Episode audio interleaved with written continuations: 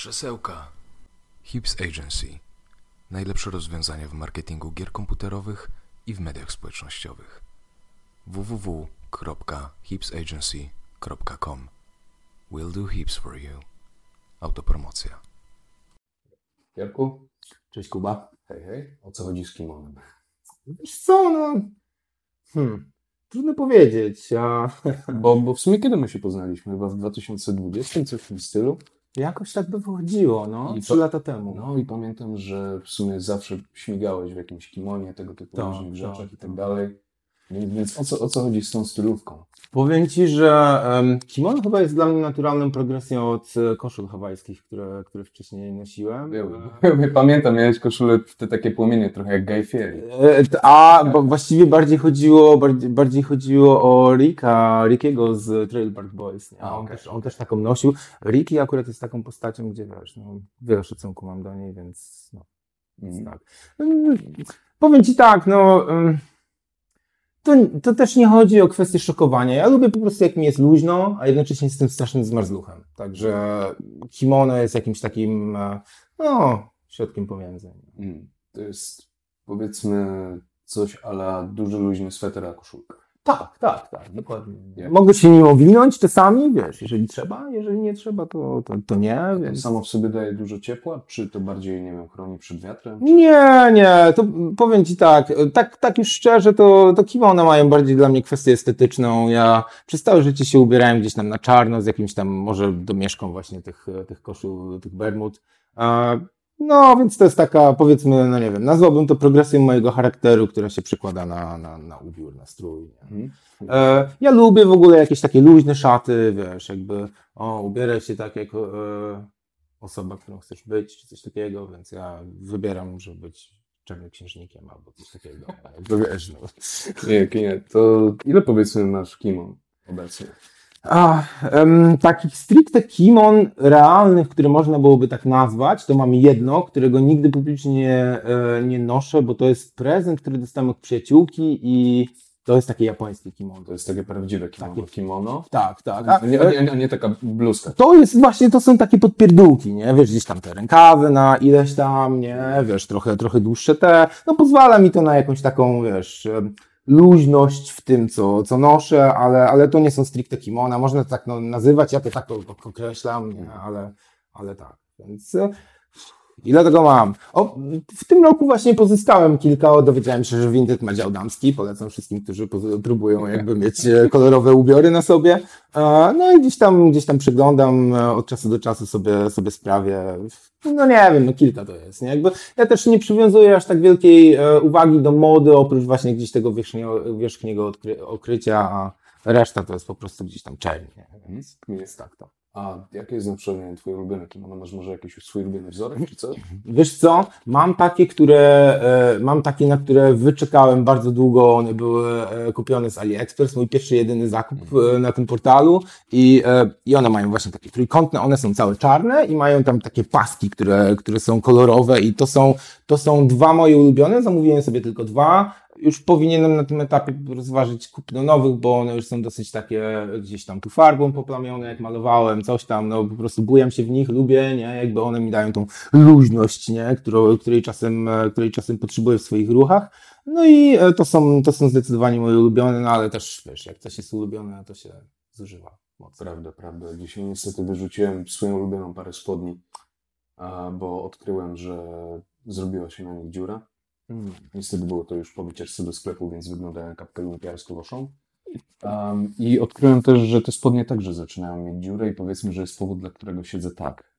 Teraz. Dobra, rozumiem, rozumiem. Um, więc dzisiaj po tym nagraniu idę kupić nowe spodnie.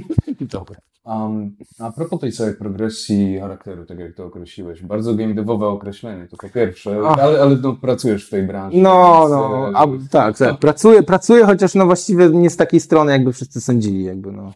No. No, ale, ale powiedzmy, że ty jesteś Tak, częścią tego ekosystemu i tak dalej. Tak. Natomiast e, co miałeś przez to na myśli? O, to jest rozległy temat i właśnie zastanawiam się, czy, y, czy tak mocno wchodzić w tego typu poważne sprawy, ale no, ja bym powiedział, że po prostu moje życie było bardzo kolorowe, ale to nie zawsze były kolory, które są odcieniami takiej wiesz, jasnymi odcieniami Mhm. czegoś, co, czegoś, co gdzieś tam pozwalało na tego typu kolory, więc no, więc jest raczej to, no. Trudne rzeczy się jednak e, w moim życiu wydarzyły i wychodzę z nich, nie? I jakby i chcę to w jakiś tam sposób podkreślić chociażby w tym swoim stroju, w tej wierzchniej części tego, że, że to jest to i co jakby to też jest ciekawa sprawa, no bo jakby nikt mi nie zadaje tego typu pytań, nie? Jakby to nie mówi się o takich sprawach, nie? Gdzieś tam e, przy, przy jakichś takich luźnych, luźnych kwestiach, typu, czemu się ubierasz w ten sposób, nie? Jakby no, bo lubię, nie? I to jest No. najczęściej tyle, nie? Więc e, jeżeli chodzi o takie poważne odpowiedzenie na to, no to e, ja jestem wielkim, mocno wierzę w ogóle w symbolikę. E, sam sobie i często rzeczom ją nadaję e, i no i właściwie to tyle, nie? Jakby to jest taki symbol tego, że, że z tej czerni potrafi się jednak coś tam świetlistego narodzić. Rozumiem, rozumiem.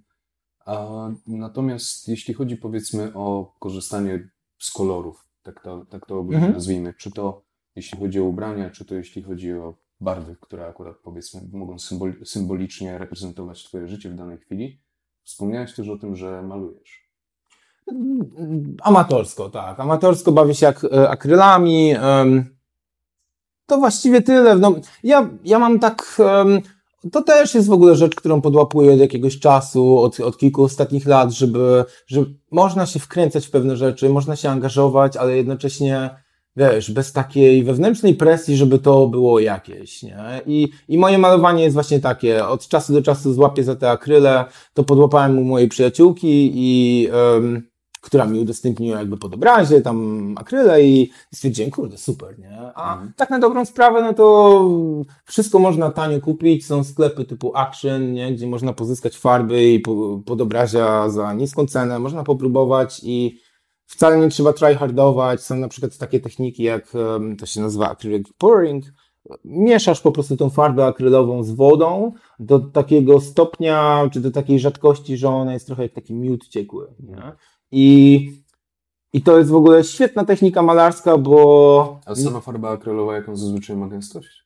ona jest e, hmm, Jak gęsty miód, albo jak, jak klej w tubce? tak, jak klej w tubce Okej. raczej. Jak, jak klej w tubce, no wiadomo, że i to jest, bo widzisz, ja jak próbuję rzeczy, no to gdzieś tam nie oglądam tutoriali. Nie? Lubię, się, lubię się sam, wiesz, gdzieś tam, o, wiesz, Zosia Samosia. Kminie, kminie. Chociaż, chociaż prawdopodobnie gdybyś polegał na Hindusach z YouTube'a, no to mogłoby to być dosyć pomocne. No, na pewno, na pewno, ale mm, widzisz, no ja lubię, kurde, jednak ten proces eksploracji. Nie? Jakby zdaję sobie sprawę z tego, że to czasem jest zła rzecz, bo mógłbym coś ogarnąć dosyć szybko i sprawnie, gdybym po prostu posłuchał ekspertów, nie?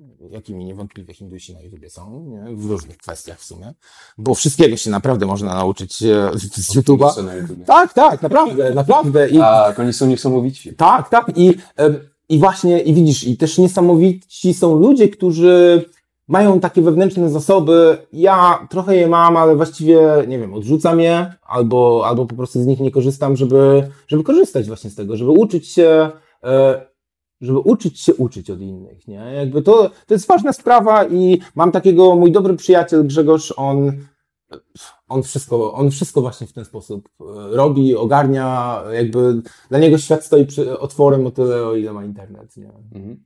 Okej, a wracając do tej techniki z tym mieszaniem farby akrylowej, A, to, to- to, to, o co z tym chodzi? Em, Jest prosta sprawa, jak już wymieszasz te farby, to tak na dobrą sprawę potrzebujesz minimum dwa kolory, żeby już z tego coś robić, nie? Mhm. E, Więc bardzo niskim kosztem możesz osiągnąć coś ładnego, co ci powisi, b- powiesisz sobie na ścianie i e, to chodzi o to, że e, wylewa się po prostu farbę i nalewa się drugą na to.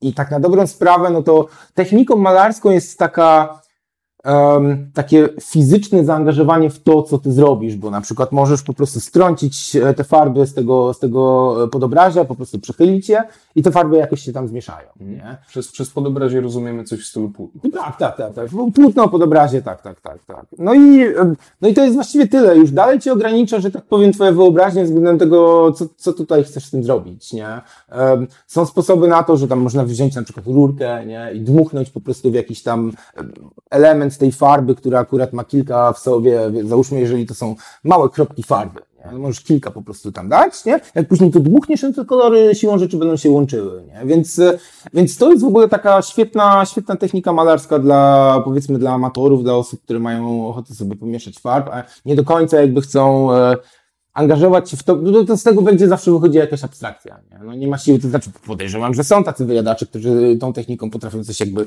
faktycznego gdzieś tam zrobić i chętnie bym zobaczył takie, to są takie abstrakcyjne po prostu mieszanki kolorów, co zawsze to ładnie wygląda, no bo to są zmieszane kolory i, i później to wysycha, nie, i zostaje tak. Ja na początku nie bawiłem się akurat tą techniką, gdzieś tam próbowałem, no ale no wiadomo, nie? Jak się próbuje samodzielnie samemu, no to, no to tak różnie wychodzi. Nie? No, różnie wychodzi, więc, e, więc teraz trochę, teraz trochę odpuściłem to malowanie, ale też bez takiego podejścia, że ojej, nie? Jakby poświęciłem na to tyle czasu, pieniędzy i zaangażowania i co teraz z tego? No teraz z tego, że mam kilka fajnych obrazów, które faktycznie mi wiszą w mieszkaniu. Mhm. I zazwyczaj jak, jak, jak zabierasz się za malowanie, to celujesz właśnie bardziej w e, rzeczy abstrakcyjne, czy starasz się malować coś bardziej namacalnego? Chciałbym, chciałbym e, malować namacalne rzeczy, ale do tego to trzeba mieć po prostu, e, no jednak tych godzin trochę w tym, nie? Jakby chociażby, nie wiem, no obstawiam, że gdzieś tam minimum na rysunku, na, wiesz, na czymś się znać względem tego, jak przekazać coś, co jest faktyczne i namacalne e, na to podobrazie, a jeszcze farbami zrobienie czegoś takiego, no, więc od czasu do czasu sobie oglądam Boba Rossa i okazuje się, że to potrafi być świetnie, jakby bardzo proste, nie? Ale jak już sam siadasz w ogóle przed tym płótnem, nie? Z tymi farbami, no to, to już nie do końca, więc dla mnie, dla mnie w tym momencie gdzieś tam pozostaje abstrakcja, jakieś tam kształty, no ale to też już pędzla nie trzymałem w dłoniach już od, od wielu miesięcy, nie? Więc, więc to też nie jest jakby coś, czym, czym w tym momencie jestem zaangażowany mówię, ja tak skaczę pomiędzy gdzieś tam zainteresowaniami, tym co może być. Ostatnio sobie kupiłem keyboard, nie? E, o, to znaczy nie ostatnio. Ostatnio to właściwie sobie kupiłem coś, co się nazywa Purem. Nie, to jakoś miało specjalną nazwę. To jest w ogóle takie malutkie wiertełko, gdzie możesz sobie wywiercić po prostu coś w kamieniu. E, zobaczyłem po prostu, algorytm mnie stargetował, nie? Jakby wiedział, że o, ten gościu chyba coś takiego tutaj ten, ale tym razem byłem mądry, mówię tym razem, bo już się zdarzyło tak, że po prostu kupiłem coś z tego algorytmu. E, tym razem byłem mądry i e, znalazłem ekwiwalent tego czegoś, e, tego, tego wiertła grawerskiego, nie wiem jak to tam, mhm. pióra grawerskiego, to chyba tak, pióro grawerskie na, na Allegro kupiłem sobie. Leży, umiem to póki co odpalić, ale Teraz zaczynam dwutygodniowy urlop, więc e, już tam gdzieś na, mie na mieście znalazłem jakiś kamień, cyk go do kieszeni, nie? Będę sobie tam dłubał, sprawdzał, nie? Mam jakiś taki patyk, który w ogóle mi też długo leży i chciałem sobie coś tam w nim rzeźbić jeszcze zanim w ogóle dowiedziałem się, że istnieje coś takiego jak pirograwerskie, więc no po prostu jakby lu lubię gdzieś tam zaangażować się w coś nowego, ale bez takiego poczucia, że, że musi coś z tego konkretnie być. Nie? Mhm, jasne, czyli mówisz, że lubisz tworzyć, lubisz e, dawać w jakiś sposób upust swojej kreatywności i bardziej Cię w tym interesuje właśnie proces i możliwość przekazania tego, co chcesz przekazać, cokolwiek by to było, bądź osiągnięcie czegoś, co jest satysfakcjonujące estetycznie, bardziej niż, e, niż powiedzmy zapatrywanie się w jakiś jeden sposób tworzenia i tak dalej i powiedzmy brnięcie, brnięcie, brnięcie dalej, żeby osiągnąć jakiś wielki sposób mistrzowski. Innymi słowy, bardziej e, zabawa i wyrażanie siebie niż e, Zdecydowanie. jakieś wielkie osiąganie mistrzostwa w danym warsztacie. Zdecydowanie tak. To znaczy, jest jeden aspekt sztuki i dla mnie to jest pisanie, nie? gdzie jakby tutaj to jakby wszystkie rękawice, które leżały na ziemi, to ja podnosiłem, nie? Jakby tu czuję, że to jest jakby, to jest to, w czym gdzie jakby mam ten wewnętrzny taki imperatyw, że to jest moje, że to jest ważne i że tutaj, no to uuu, źle postawiony przecinek, no to zniewaga dla całego mojego charakteru, nie? Jakby to jest jedna z takich, to jest jedyna właściwie z takich rzeczy, gdzie, e, gdzie mam takie podejście, no, nazwałbym to tryhardowym podejściem, nie? Jakby takie mocne gdzieś tam skoncentrowanie się na tym i e, w sumie po co, ale jednak? E, a, a reszta to jest po prostu, no tak jak mówisz, zabawa, nie? Jakby lu, lubię się bawić i, e, też e, doceniam wszelkie możliwości ekspresji człowieka, nie? I, i to nie, nawet nie, nie, nie dla mnie, no bo też ja ze wszystkich siłą rzeczy nie skorzystam, jakby wiadomo, że FOMO się gdzieś tam wkrada, ale jakby staram się odrzucać to i no akurat to, co mnie gdzieś tam zainspiruje, to, co mi się u kogoś spodoba, no to, e, no to to jest. Nie?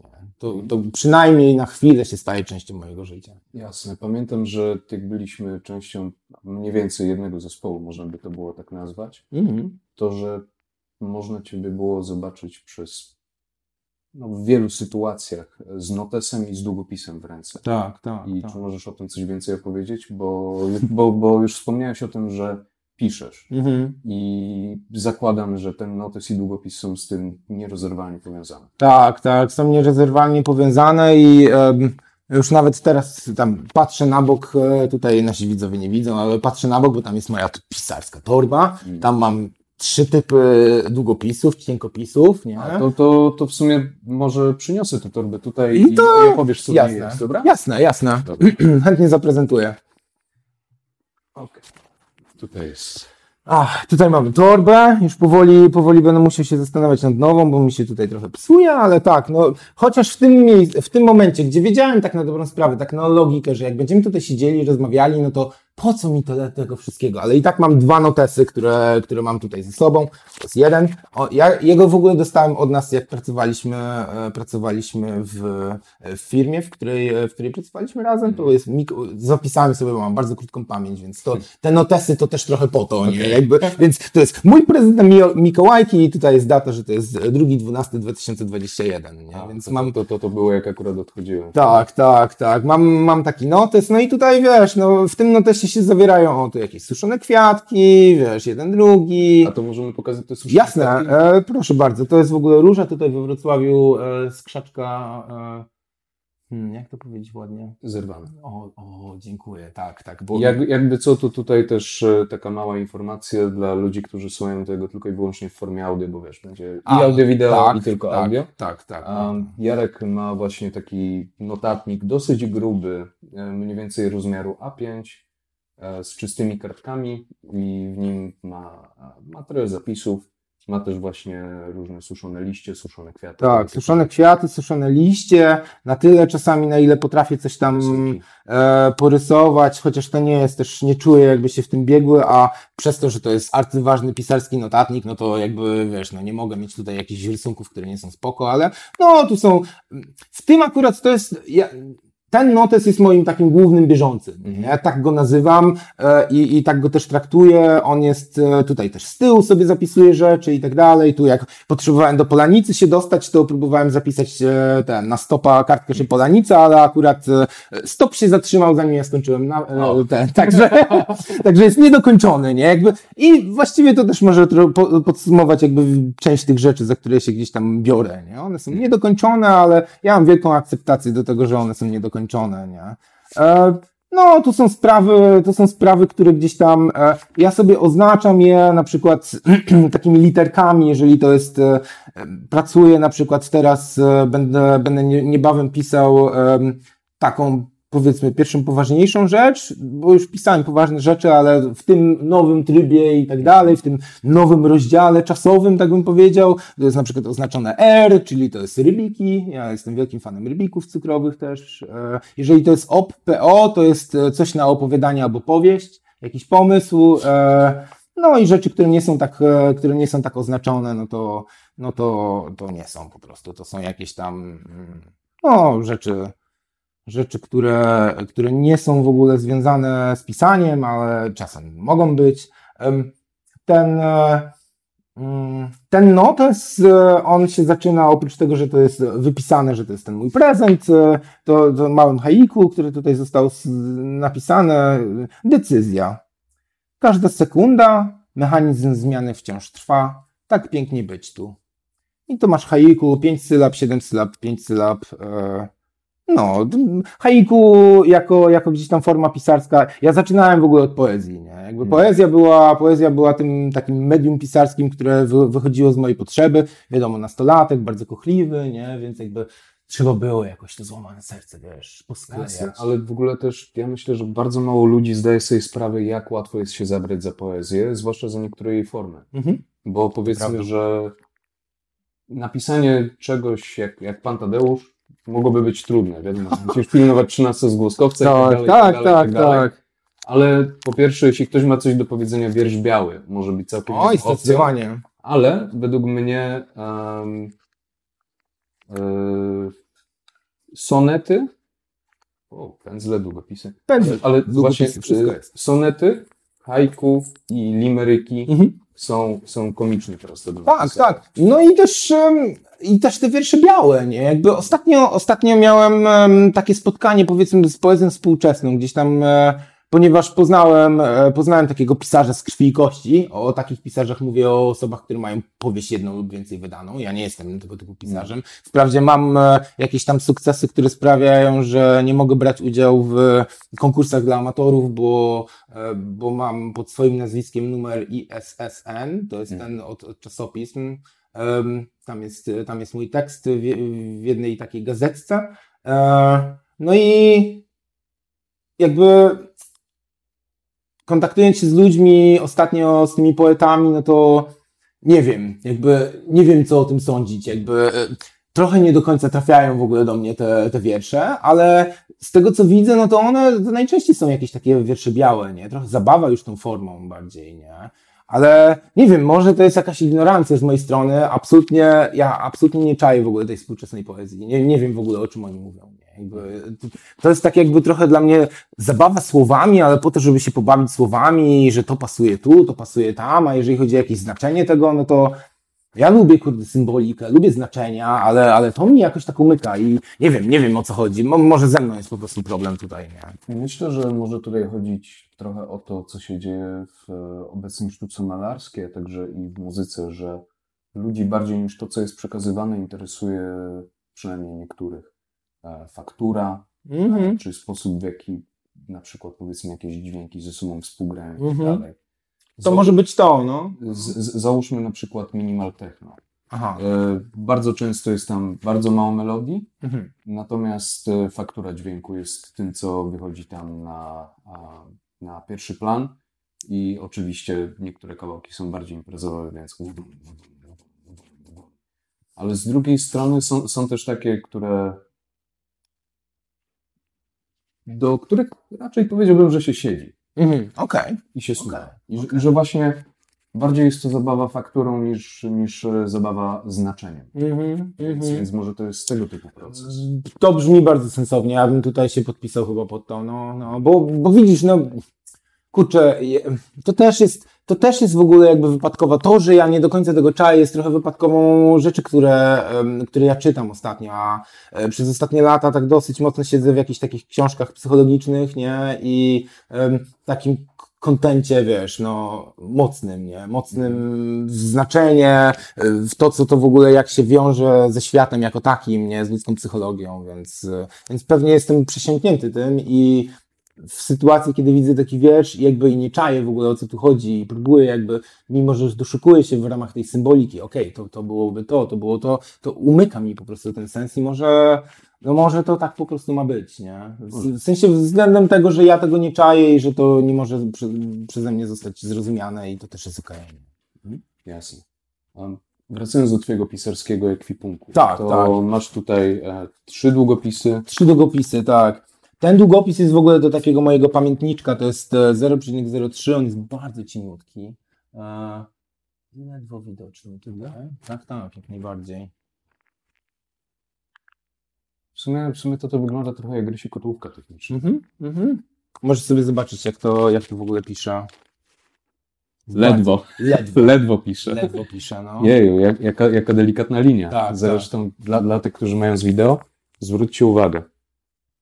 A ten jest moim ulubionym, jeżeli chodzi o pisanie, bo ten jest funkcyjny, ja po prostu mój pamiętniczek A, jest... taki, taki kulkowy. No to, no to, Tak, no to, tak, to on się to, to jest rozlewa. no, on szybko leci, nie? I on jest, on jest do takich sytuacji, kiedy ja potrzebuję szybko polecieć, nie? Potrzebuję coś zapisać sobie, ale to tak jakby, bo to jest ulotna myśl i jeżeli ja jej nie spiszę, to, to ona mi zniknie, nie? Więc mówisz, że to jest pod tempo. Tak, pod, tak. pod, i, jak czy, najbardziej. Czy można by to nazwać e, długopisem do produktywności?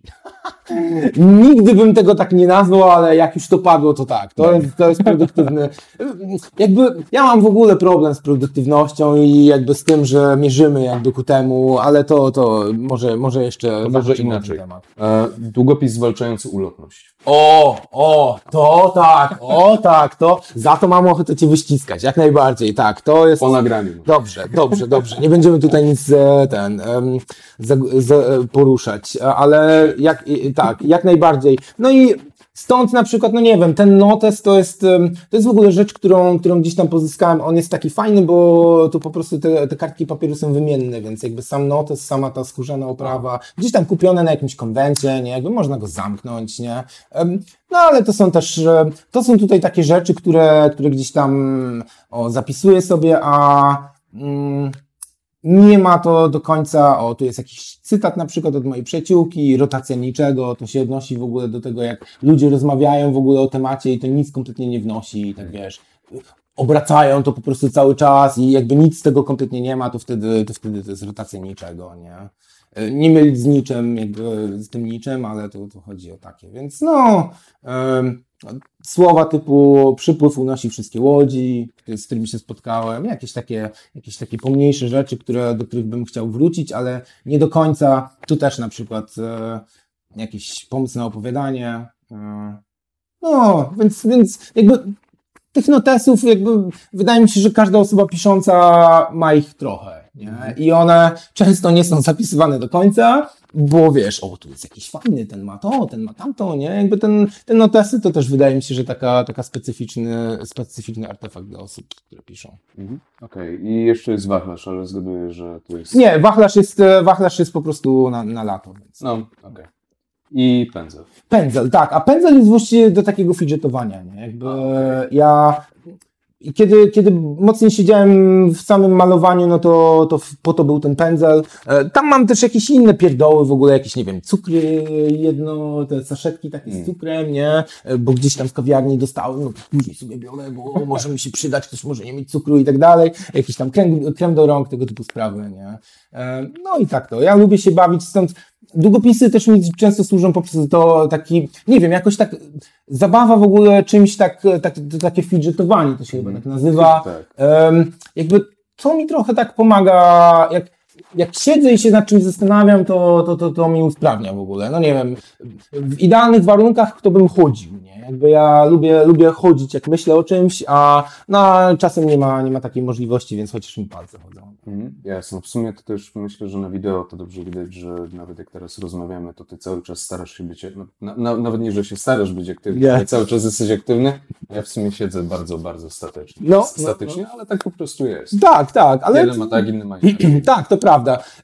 Je, jakby, jeżeli mamy tutaj widzów, którzy się zastanawiają, czy ten gość ma ADHD, jeżeli mam, to nie wiem o tym, nie? Jakby zresztą, jeżeli chodzi o jakieś takie psychologiczne gdzieś tam łatki, to, to nie jestem wielkim fanem, mimo że psychologia mnie fascynuje, interesuje, jakby siedzę w tym mocno, to, to wiem, że ludzie się lubią sami diagnozować i ja jestem daleki od tego. Okej. Dobra. A propos tego całego pisania, to powiedz proszę, co piszesz? W tym momencie właściwie, w tym momencie piszę głównie posty na konspirację. Jakby konspiracja jest taką przestrzenią, żebym mógł się wyżyć pisarsko trochę. Nie? Takim, takim zaułkiem chociaż, gdzie ja mogę. Kiedy, kiedy czuję, że, kiedy czuję, że okej, nie? Coś chciałbym, no to i chciałbym, żeby to gdzieś od razu poleciało w świat, nie? Do jakiejś konfrontacji z innymi ludźmi. Niezbyt dobrym miejscem, przestrzenią do tej konfrontacji. E, o czym możemy porozmawiać później, ale, ale to jest to. zbieram się w sobie też, nie? Jakby ostatnio, ostatnio wracam do pisania po dosyć długiej przerwie, bo ja najczęściej piszę prozę, nie? Jakby zaczynałem od poezji, później gdzieś tam pisałem jakieś tam, nazwijmy to esejami, jakieś posty na bloga, jak miałem, nie wiem, jeszcze przed dwudziestką może, nie? Tego typu sprawy. E, no i e, później się zabrałem za powieść testową, powieść, powieść, bo tak sobie pomyślałem, no okej, nie, jakby trzeba coś tam tej dłuższej formy wypróbować na czymś, nie, więc pomyślałem sobie, a może jakaś mała opowieść, nie, opowieść wtedy to była i to miało mieć kilka rozdziałów i rozciągnęło się na 2,5 miliona albo 3,5 miliona znaków ze spacjami, nie jestem dobry z liczbami. Ile, ile, ile by to by było mniej więcej na stronę? Albo jakbyś miał porównać to wielkościowo do jakiejś innej książki? nigdy na to, nigdy nie przykładałem tego tak, bo dla mnie, wiesz, jakby te znaki ze specjami to jest rzecz, która się w konkursach i tak dalej, literackich najczęściej gdzieś tam odbywa.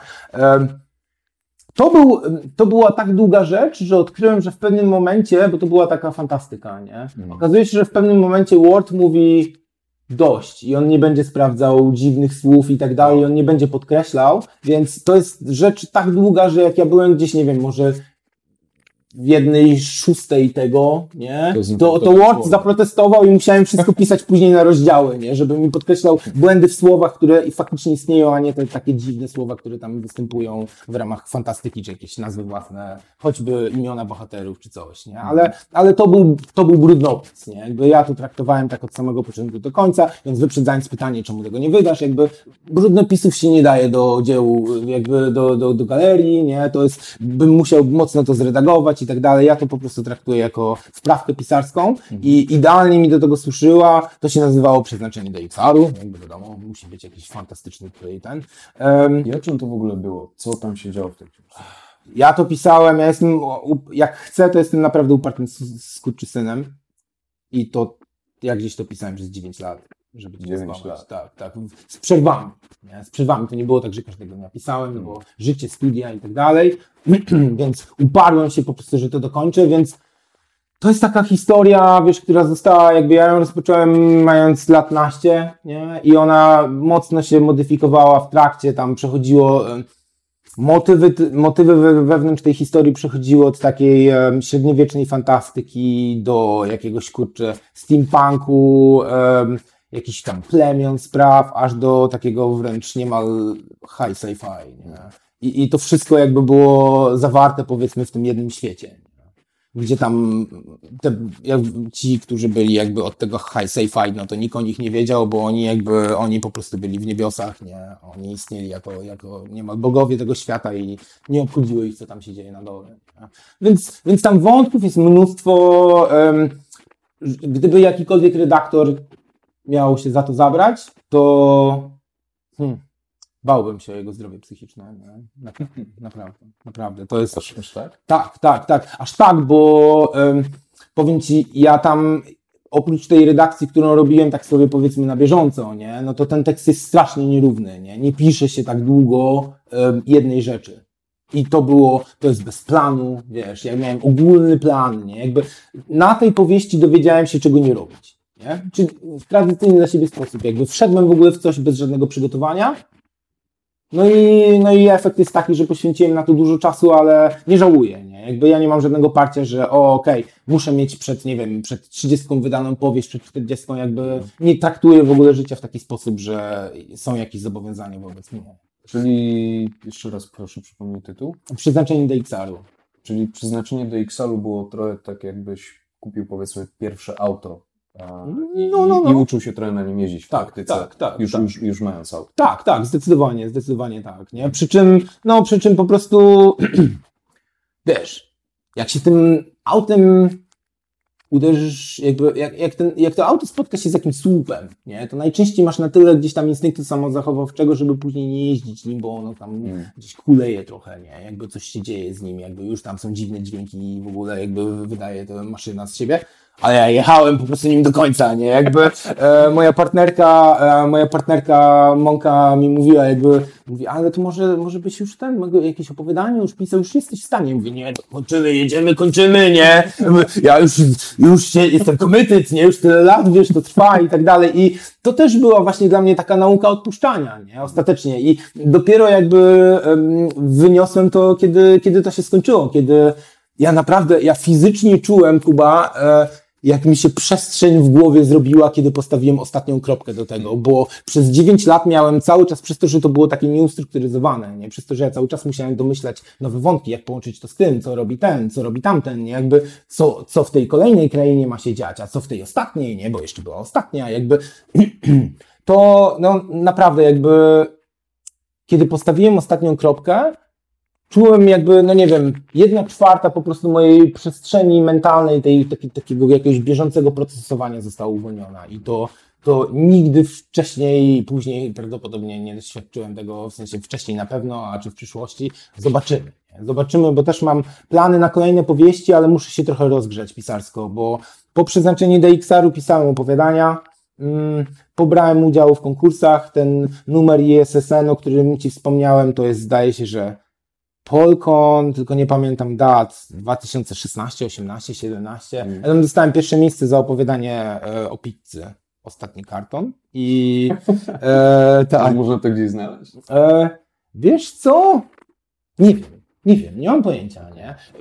Pra, to znaczy, na pewno e, z tego co rozumiem, to jest tak, że cokolwiek ma numer ISBN albo ISSN wydany, to idzie do jakiejś super biblioteki tajnej. Chyba, E, chyba do Biblioteki Narodowej. tak, tak, tak, dokładnie. To może być ta biblioteka, więc jakby w Bibliotece Narodowej można to pewnie znaleźć. Ja miałem na pewno em, kilka kopii w ogóle tego, tego pisma, bo to było, to było wydane w ramach em, polkonowego gdzieś tam takiego, takiego zeszytu, takiej, takiej, takiego pisma, które tam mówię, jaki jest program, tam były jakieś tam felietony, coś tam i, i było też to opowiadanie. Nie? Mhm. Więc e, fajnie, no to moje pierwsze pieniądze w ogóle zarobione z pisania, tak ever, ever, nie? Więc, e, więc fajnie, kupiłem sobie kubek, żeby upamiętnić, jakby tam w tym Polkonie, nie? Więc, e, więc no.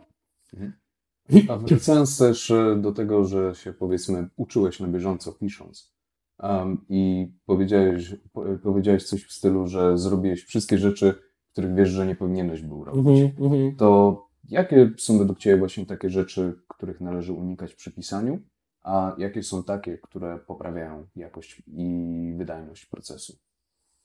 Hmm. Mm. Powiedziałbym tak, każdy pewnie. Część zabawy jest w tym, że jednak nie ma e, odpowiedzi takich, które będą pasowały do każdego, bo na przykład, em, bo później, jak już, jak już się ogarnąłem, jak już gdzieś mniej więcej kończyłem to przeznaczenie DXR i mówię, okej, jakby to teraz trzeba trochę inaczej, to poczytałem sobie, jak tam King pisze, nie, jakie są tam jakby tips and tricks, nie, e, gdzieś tam e, od, od pisarzy, od osób, które, które, które piszą, e, no i na przykład sposobem Kinga jest właśnie, King ma tak, miał taki sposób, jaki ja miałem dotąd, że on siada po prostu i pisze i to jest, to wychodzi z jego głowy, nie ma, on ma jakiś taki, to się nazywa outline, nie, jakby ma ogólną koncepcję tego, co on chce osiągnąć tym pisaniem. I to jest o tyle fajne, że trochę nie wiesz, co cię czeka, ale przez to, że nie wiesz, co cię czeka, to może naprawdę, naprawdę to długo może zejść na tym, więc ym, dla osób, które chciałyby się pobawić w ogóle z pisaniem, bo pisanie jest świetną. Pisanie jest po prostu. Ja jak byłem mały, to uwielbiałem klocki Lego. I dla mnie, dla mnie pisanie jest jak klocki Lego, ale ze wszystkiego. Bo strona wszystko przyjmie, naprawdę wszystko przyjmie. I to też jest w ogóle bardzo terapeutyczny proces, nie? Samo, samo, samo ta twórczość pisemna. Ja bym osobom, które, młodym pisarzom, w sensie niekoniecznie wiekiem, ale osobom, które- by miały ochotę coś przetestować, to, to radziłbym raczej trzymać się na początku krótkich form. Jakichś opowiadań, żeby mieć chociaż ten, to poczucie tego, że to zostało e, napisane, ale też nie zakochiwać się w tym, bo pierwsze strony nigdy nie są dobre, nie? Więc jakby, bo ja wiem, ja wiem, że to jest tak, że my się trochę faktycznie naprawdę mm, jesteśmy zauroczeni tymi pomysłami, które mamy, nie? I, i to potrafi być takim, no, no niebezpieczeństwem pewnym, bo Tak. dana historia, ona może jest świetna, ale ty jeszcze nie jesteś w stanie tak dobrze jej opowiedzieć, jakbyś chciał, e, więc takie poprawki bez końca, one nie do końca, one nie przybliżają cię do tego, żeby stać się lepszym pisarzem.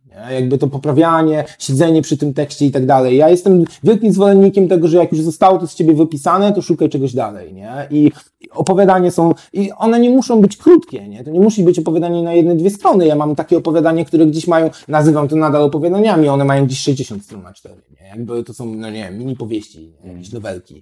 E, Ale nadal w moim sercu to są opowiadania, bo ja siadałem do tego z myślą, a mam taki fajny pomysł, nie napiszę opowiadanie, nie? Więc mam kilka takich, e, takich rzeczy. One są mm, absolutnie e, bez sensu względem brania udziału w konkursach, bo konkursy literackie wymagają od człowieka, to jest krótkie formy, to są krótkie formy i to jest najczęściej, nie wiem, tam 10 tysięcy, 12 tysięcy znaków ze spacjami, co się przekłada na, na kilka stron A4.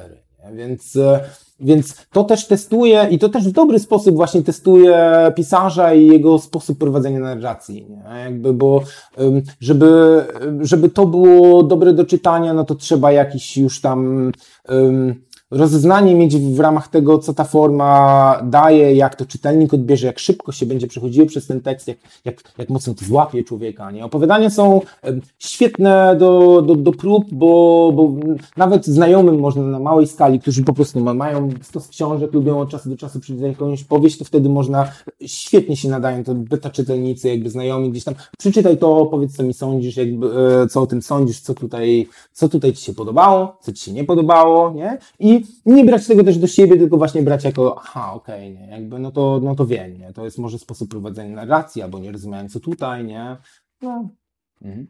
Okej. Em, wspomniałeś już wcześniej o konspiracji. Mówisz, że to jest teraz twoje główne pójście, jeśli chodzi o kreatywność. tak, tak. I opowiedz w ogóle, czym konspiracja jest, bo em, jeśli ktoś cię kojarzy z przestrzeni internetowej, to najprawdopodobniej będzie to, to konspiracja bądź e, twój projekt streamerski. Tak, tak, tak. Ten projekt to też, wiesz, to jedna z tych rzeczy, które, wiesz, złapałem się, nie, trochę sobie, od czasu do czasu sobie jeszcze postreamuję, ale to raczej konspiracja, bo konspiracja akurat ona jest od 2016, teraz sprawdzałem przed tym, żeby pamiętać data, nie? No to, no to jak na profil w mediach społecznościowych to długi staż. Tak, tak, długi staż, em, on jest na Facebooku od 2016, nie? Na Instagramie dopiero od niedawna jakby tam, tam gdzieś funkcjonuje. Em, I, I co to w ogóle jest?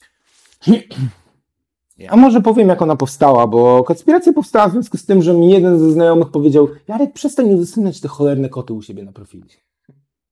Ja mówię, okej? Mówię, to co ja mam teraz zrobić? To gdzie, jak ja mam się dzielić kotami w ogóle, jakby, co teraz, nie? I pomyślałem sobie, okej, nie? No to może założymy stronkę i krótkie przemyślenie gdzieś tam i, i powstała ta nazwa Konspiracja. Konspiracja jest takim profilem, hmm, nazwałbym go memiczno, mam nadzieję, że edukacyjnym, ale nie do końca. W sensie mm, tam są po prostu zdjęcia, które, zdjęcia kotów, które ja kradnę bezczelnie po prostu z internetu. Pamiętam, wysłałem ci kiedyś zdjęcie kota i powiedziałeś, że go nie wrzucisz. Tak? Tak. Co, co było z nim, Jaku? Argumentowałem to jakoś? A powiedziałeś, że nie chcesz wrzucać zdjęcia kotów, które ludzie ci wysyłają, bo wtedy to by się zmieniło w jedną wielką mozaikę kotów, które należą do ludzi, którzy cię czytają, czy coś. Okej, no i widzisz, że, że tego typu odpowiedzialność. od, od, tamtego, od tamtego czasu już się zmieniłem. Nie? Jakby Okej. teraz, e, teraz jak, e, więc, bo wiem, że ty też masz kota, Tak, poznałem jest. go, tak, więc e, teraz już jestem kompletnie nowym człowiekiem, jeżeli chodzi o to podejście, no i to w sumie też trochę pokazuje mój charakter, jakby ja potrafię, potrafię zmieniać zdanie i nawet nie pamiętać, co wcześniej sądziłem, nie, w sensie to jest najgorsze akurat, no ale dobra, nie, jakby, wiesz, nie trzeba jakby, mnie się nie powinno aż tak na poważnie brać, mimo że ja lubię powagę, nie, to, to, to rzeczy, które ja mówię często wynikają po prostu z jakiegoś takiego mojego obecnego i no, no zmienia się to, więc w tym momencie Ale już... wiesz, jak to jest. Spójność jest bardzo ważna, ale zapał zazwyczaj docenia się bardziej. Może, może, nie? Jakby, no właśnie, czy, no nie wiem. No dobra, jakby nie wchodząc w to, bo to jest o- odrębny w ogóle, odrębna e, królicza nora, w którą chyba teraz nie będę chciał wchodzić, to to już bywało tak, że wrzucałem te zdjęcia kotów gdzieś tam znajomych albo osób, które mi podsyłały. Pamiętam, że nawet chyba rok temu albo półtora roku temu robiłem na konspiracji coś takiego, że przez tydzień wrzucałem tylko zdjęcia od tych czytelników konspiracji. Nie? Oni mi tam wysyłali w komentarzach, nie? Ja sobie po prostu wybierałem i ten proces w ogóle pisania postów na konspirację to jeżeli można to w ogóle nazwać procesem, to jest tak, że ja zapisuję sobie zdjęcia kotów, które gdzieś tam trafię na internecie, mam je gdzieś tam zapisane na Facebooku, później sobie przeglądam i akurat, okej, to mi się podoba, dzisiaj piszę o tym, nie? W sensie, nie, może tak. To mi się podoba, wybieram to zdjęcie, wrzucam je i dopiero wtedy piszę tekst. Jakby i ten tekst jest trochę na bazie tego zdjęcia, nie? Kota i co tam się dzieje, a trochę na bazie jakby no, mojego bieżącego życia i tego, co się w mojej głowie odbywa, nie? Więc czasem są to żarty, czasem są to jakieś takie mrugnięcia okiem, czasem są to teksty, które mam nadzieję mogą być wzniosłe, em, Czasem one nie są absolutnie wzniosłe, ale są jakimś takim, kurde, nie wiem, literackim bawieniem się, literackim buractwem bym to nazwał, bawieniem się, kurde, słowem, formą, trochę jakby, wiesz, tego typu sprawami. Więc, więc no mówię, no to jest taki, to jest takie miejsce, to jest taki troszkę właśnie znowu kolejny mój pisarski brudnopis, nie? Um, liczę na to, że on e, sprawia ludziom jakiś fan, no bo um, bez żadnych reklam od tego 2016 roku, no to przy, na konspiracji mi się uzbierało tam ponad 2000 o, o, człowieków. To jakby, jak na to, że Facebook mi cały czas mówi, więc on tnie w ogóle te zasięgi, nie? Mówi mi, a ten post może być jeszcze lepszy, dopłać tylko 25 zł, Oj, nie? tak. Ja, ja jako niestety osoba zajmująca się profesjonalnie prowadzeniem mediów społecznościowych e, odczuwam to. Mhm. Więc, więc wiem dokładnie o co ci chodzi. Mhm. I o ile powiedzmy jest to trudne, gdy prowadzi się coś profesjonalnie dla klienta na przykład, tak zdaję sobie też bardzo sprawę z tego, że to jak są ścinane zasięgi w mediach społecznościowych, zwłaszcza jeśli chodzi o rzeczy, które dosyć trudno jest powiedzmy sprzedać, Mhm. jak na przykład tego typu eksperymentalne formy Tak, literackie, tak, tak. to to jest w stanie podciąć trochę skrzydła. No, no. Ale mm, jakby, wiesz, no, ja się cieszyłem, kiedy miałem, wiesz, 10 lajków pod postem, nie? I, I wiesz, i, a teraz to po prostu osiągam w kilka minut najczęściej, jeżeli to jest dobry post, jeżeli to jest dobra godzina i tak dalej, nie? Bo ja nie potrafię w ogóle, jakby do teraz, mimo że wrzucam trochę tego kontentu na konspirację, zwłaszcza fej- tą facebookową, to nie potrafię ogarnąć, czemu to działa akurat w ten sposób, a nie inny.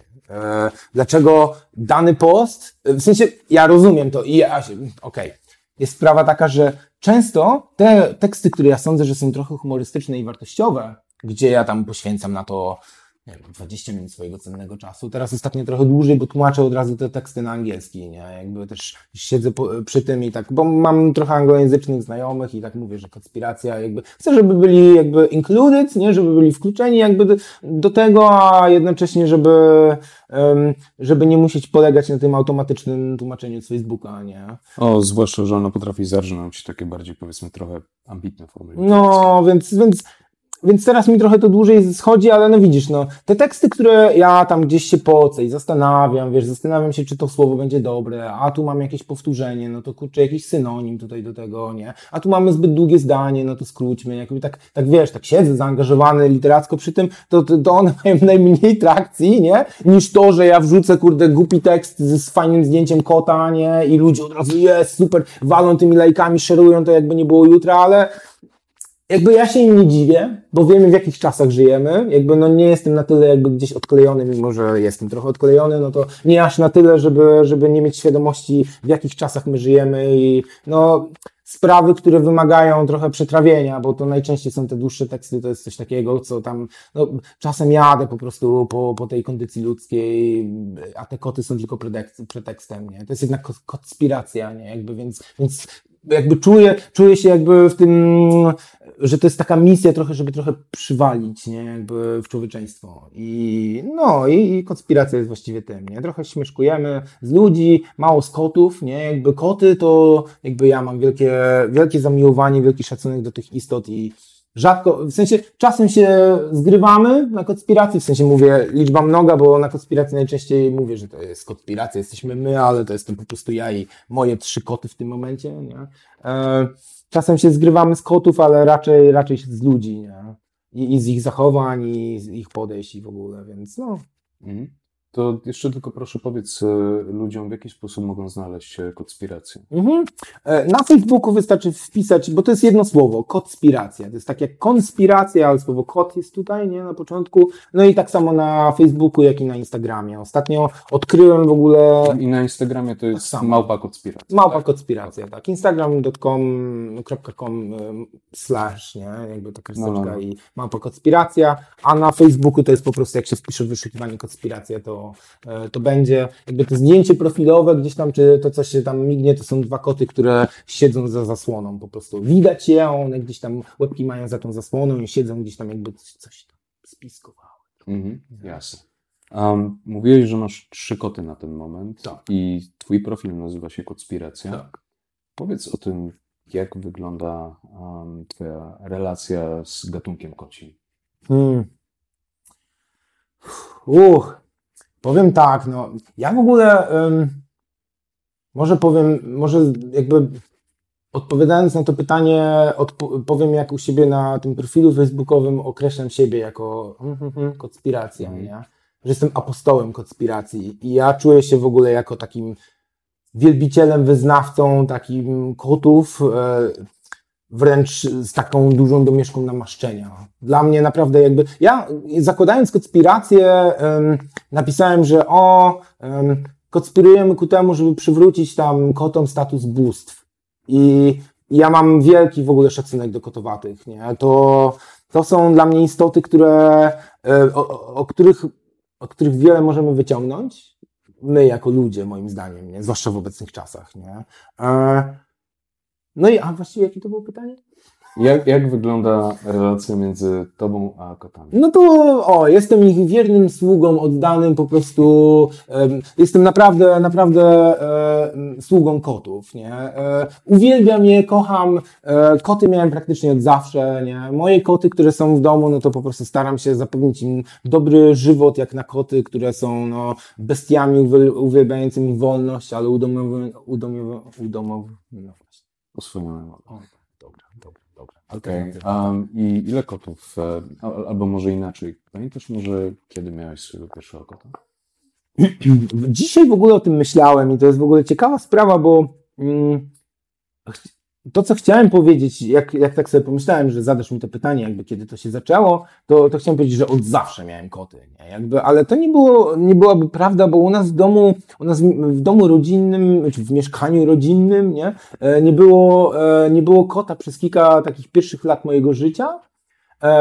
Później mieliśmy w ogóle kota i on w bardzo małego kotka i on w bardzo tragicznych e, okolicznościach dosyć wcześnie od nas odszedł. To był w ogóle mały kotek, który, który po prostu nie wiem, czy to w sumie na antenie takie smutne rzeczy można mówić, jak się O, jasne. Na ile, ja- ja- ja- na ile najbardziej. jest twój podcast, żebym ja mógł tutaj tego typu, wiesz... Um, większość odcinków jest przeznaczona dla dorosłych. Okej. Um, I i myśl, myślę, że nie będzie problemów z tym, żeby podzielić się nawet jakimiś trochę poważniejszymi No czy smutniejszymi historiami. No dobra. A, a jeśli e, ktoś, powiedzmy, nie chciałby teraz słuchać czegoś takiego, no to po prostu polecamy, żeby tak bezpiecznie przywinąć może jakieś 2-3 minuty. Tak, polecamy, bo wiem, że są osoby, które są wrażliwe na, na to, co się może zadziać ze zwierzętami, ale to też jest kurde, cze- czasem proces żałoby, ktoś może stracił kota, nie? No. I nie chcę słuchać o tego typu sprawach, więc przewincie. No, a tak sobie, bo właśnie widzisz, ja dzisiaj robiąc sobie kawę zastanawiałem się nad tym i pomyślałem sobie, że w ogóle koty, one są taką ważną osią mojego życia, a jednocześnie to jest w ogóle moja pierwsza strata, bo pierwszy kot w ogóle, którego e, mieliśmy w ogóle w mieszkaniu, on był tam, nie wiem, przez dzień, dwa i on w ogóle, on był bardzo małym kiciusiem i mój brat w ogóle przez sen go przygniótł i ten kotek O. w ogóle tak. Więc, Więc, więc to był przypadek. tak, więc to był przypadek, to była taka, ale pamiętam, że żeśmy szli w ogóle na łąki, go w ogóle tam zakopać, zrobić mu, tru, zrobić mu, zrobiliśmy mu jakąś trumienkę, coś tam, e, mały pogrzeb, więc, e, więc to jest, to jest moja pierwsza w życiu strata, tak, tak do tego do, doszedłem, a, a tak na dobrą sprawę, no to po tym, no to, to już cały czas mieliśmy koty w mieszkaniu e, i najmocniej odczułem, że mój charakter, czy mój, moje bycie jest związane z kotami, kiedy byłem tutaj we Wrocławiu. Byliśmy z, z partnerką po różnych tam gdzieś tam mieszkaniach wynajmowanych e, i w tych mieszkaniach nie można było mieć kota. Chcieliśmy swojego kota, ale właściciele nie, bo nie wiem, panele, coś tam to i tamto, jakby moje meble są święte, nie, jakby okej. E, I w końcu jak, jak już pozyskaliśmy tego kota, pozyskaliśmy tego kota, nie, no to em, to ja właściwie zobaczyłem, jaki to był istotny element, którego ja nie miałem, jak ja mogę na nowo oddychać trochę w tej przestrzeni, w której jestem na co dzień, mając kota, nie? Czyli mówisz, że posiadanie kota w domu poniekąd dopełnia ciebie. Mhm. Zdecydowanie. Koty, tu może sp- spróbuję jakoś tak e, przejść do tej filozofii trochę, którą ja biorę od kotów, nie? Koty są naprawdę niesamowitymi istotami, bo one, em, one bardzo oszczędzają swoją energię na to, co jest ważne.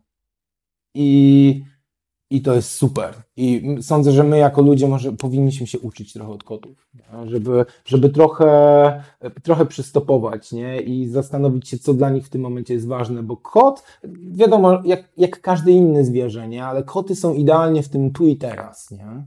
Em, Wiadomo, że one odpowiadają na te bodźce zewnętrzne, nie? I, I przez chwilę gdzieś tam działają w ramach tego. Tu mucha przeleci, jakiś papierek, coś tam się wydarzy, ale mm, no nie wiem, kurczę, jest coś takiego, jest coś wzniosłego w tym kocim byciu dla mnie, nie?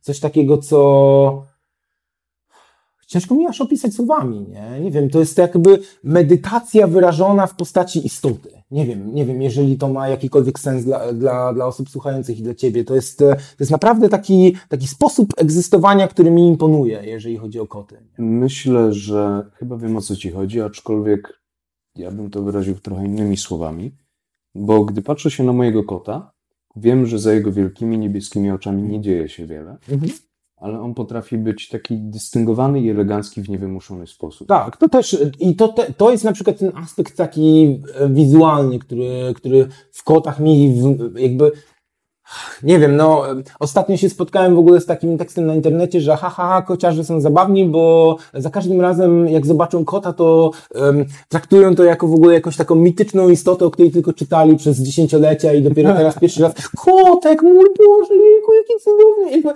Jest to, jest ten moment taki rozpływania się. Ja tak mam i- z psami. E, No widzisz, nie? O, widzisz, tak masz z psami. Ja, no widzisz, ja też jestem trochę po tej drugiej stronie tutaj, jeżeli chodzi o, o zwierzęta, w sensie psy trochę, ja podchodzę do nich z takim szacunkiem i dystansem. Jak byłem mały, to mnie poszarpały dwa Dobermany, Mm. Jakby, a byłem na etapie fascynacji dinozaurami i pomyślałem sobie, że skoro to są takie bestie, które polują, to jest trochę tak jak z tym Tyrannosaurusem Rexem, że jak się nie będę ruszał, to mi się nic nie stanie, nie? Jakby nie miało to przełożenia na dwa Dobermany, które gdzieś tam uciekły i były wygłodniałe, nie? Jakby, więc, więc mój, mój, mój stosunek z psami jest taki, że lubię, nie? Nie boję się już ich tak jak kiedyś.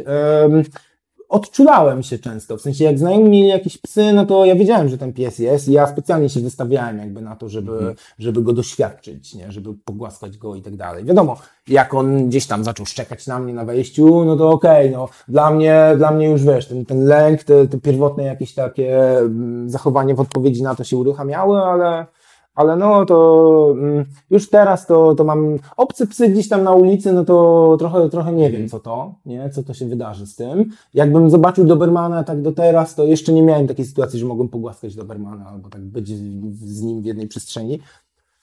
Dałbym radę, nie, ale jakby mój, mój system nerwowy by mi dawał o tym znać, że próbuję z czegoś wielkiego. No, w sumie to przypomniałeś mi, a jeden, jeden e, członek mojej rodziny kiedyś do mnie, znaczy się, kiedy, kiedyś do mnie po prostu przyjechało wujostwo. I przyjechali ze swoim psem. To był e, mieszaniec Rottweilera i owczarka niemieckiego chyba. I było widać, że to nie jest bezpieczne zwierzę. Wow, no. Że, że, że, że to jest groźne zwierzę po prostu. Jak szliśmy na spacer, chwycił głębia w locie i go zagryzł. A ja miałem labradora i to takiego niewyrośniętego, nie? Więc ja się tak na to patrzę, co się dzieje, stary, nie? Wow, wow, to jest niesamowite i chyba to jest też coś, właśnie teraz mi się tak m, trochę otworzyła taka furtka, coś co mi się w psach średnio podoba, w sensie one potrafią być jakby, to człowiek trochę ustala czym jest pies. Tak, tak, zdecydowanie. Jeżeli chodzi o kota, no to... Kot, kot, kot sobie jest i Tak. człowiek może na niego jakoś tam wpływać, ale, Ale- dalej będzie sobą. Tak, A tak. psy w dużej mierze to jest e, carte blanche. Carte No, blanche. no i plus jeszcze to stadne zwierzę, które musi mieć tego alfa, nie? Tak. Więc jeżeli ten alfa jest trochę powykręcany, no to ten pies też potrafi być powykręcany. Zdecydowanie. Um, to w sumie ja miałem ostatnio taką trochę ciekawą sprawę, bo um, jak pojechałem na podróż poślubną, to mój tata, który nigdy nie miał kota, a zawsze mieliśmy psy. E, I to labradory, więc nie jakieś szczególnie trudne. Ja się kompletnie nie znam na psach. To, to są te takie duże, ucieszone, co biegają za kijkiem. No to, ku- ale to nie wszystkie psy tak robią. Ja jestem strasznym ignorantem, jakby... Nie, nie, nie, nie, nie. Okej. E, kojarzysz może... E, by, była kiedyś bajka z takim gadającym. Ale dobra, nieważne. A, to, takiego żółtego koloru to są psy? No, one też są żółte, no. Okej, okej, no to już mogę ko kojarzyć. Okatnięte uszy, coś tego? Tak, tak. No, no, tak. no, no, Okładnięte uszy wyglądają jakby się uśmiechały. No, no, no, no, okej, to wiem, o które psy chodzi. No, Tak, są słodkie całkiem. Tak, on- one one są są spore, one są spore. Tak, one są W sensie, i- Bo wiesz, bo ja z małymi psami nie mam problemu, bo nie czuję, wiesz, z tymi średnimi nie czuję jakby tego dobermanowego zagrożenia, które no, ono jest, jest już we mnie, nie? I pozostanie jakby, jakkolwiek mogę z tym walczyć, no to wiem, że jak zobaczę psa, który mi wyskakuje, no to wiesz, mam ten moment, że mi serce szybciej bije. No, ale labradory są, powiedziałbym, tak mniej więcej e, wysokości owczarka niemieckiego, Okej. więc, więc są dosyć duże, ale nie są jakieś wielkie. I zawsze właśnie mieliśmy, wiesz, tego typu psy.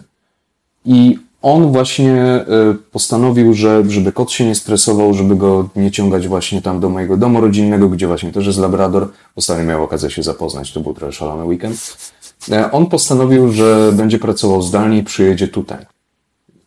Udzieliłem mu krótkiej instrukcji e, obsługi kota i po tygodniu doszedł do wniosku, że e, kot jest o tyle różny od psa, że pies, jeśli nie jest oczywiście dzikim stworzeniem, potrzebuje człowieka.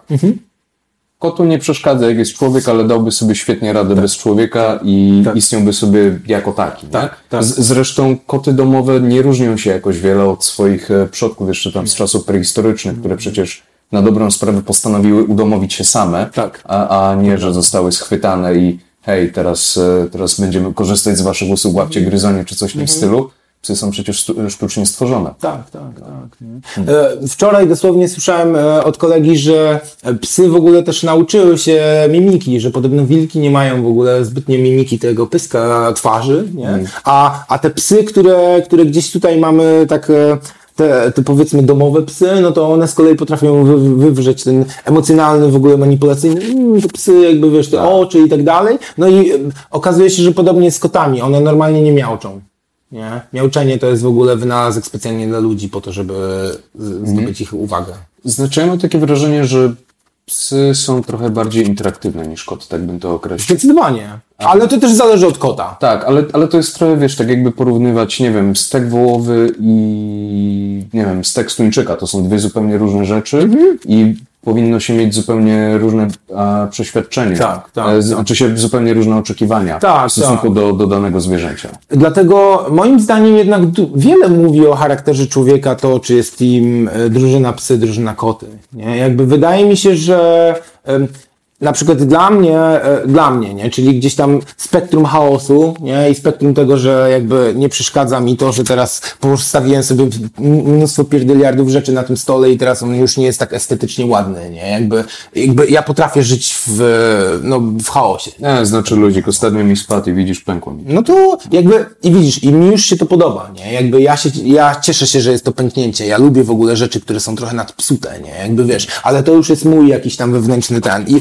jakby pies to jest, e, to jest co, ja bym nie ogarnął tego, nie? Jakby już nie mówię o tym, że jest spacery. taki ustrukturyzowany? Tak, tak, tak, zdecydowanie, nie, zdecydowanie. Ja, ja nie dałbym rady, nie, sądzę, nie. W sensie pewnie bym dał radę, ale jakby, jeżeli sądzę, że ja bym nie dał rady, to bym nie dał rady, no bo wiesz, jakby przekonanie rodzi jakby wolę, al- tudzież jej brak, nie. E, Ale, ale koty są, koty są fajne pod tym względem dla mnie przynajmniej, że one wprowadzają w ogóle ten element chaosu, ale też mm, siłą rzeczy trochę cię wyciszają, w takim sensie, że jak ten kot przyjdzie do ciebie i chce mruczeć, nie, i żebyś tego drapał i tak dalej, no to masz sesję po prostu takiej, em, takiej medytacji, trochę manualnego jakiegoś tam, wiesz, głaskania go, wyciszyć Felinoterapię zasadniczo. No, no, trochę tak, nie, trochę taka fel- felinoterapia i no i właśnie, nie? I musisz, kurczę, też rzucić trochę to, co robisz, nie? Tak jak kiedy pies chce wyjść, nie? I, i zająć się tym kotem, bo wiesz, że u, może cię ten zaszczyt już przez tydzień nie spotka, nie? To też zależy od kota, nie? Też. To naprawdę zależy od kota, od charakteru kota, od rasy kota.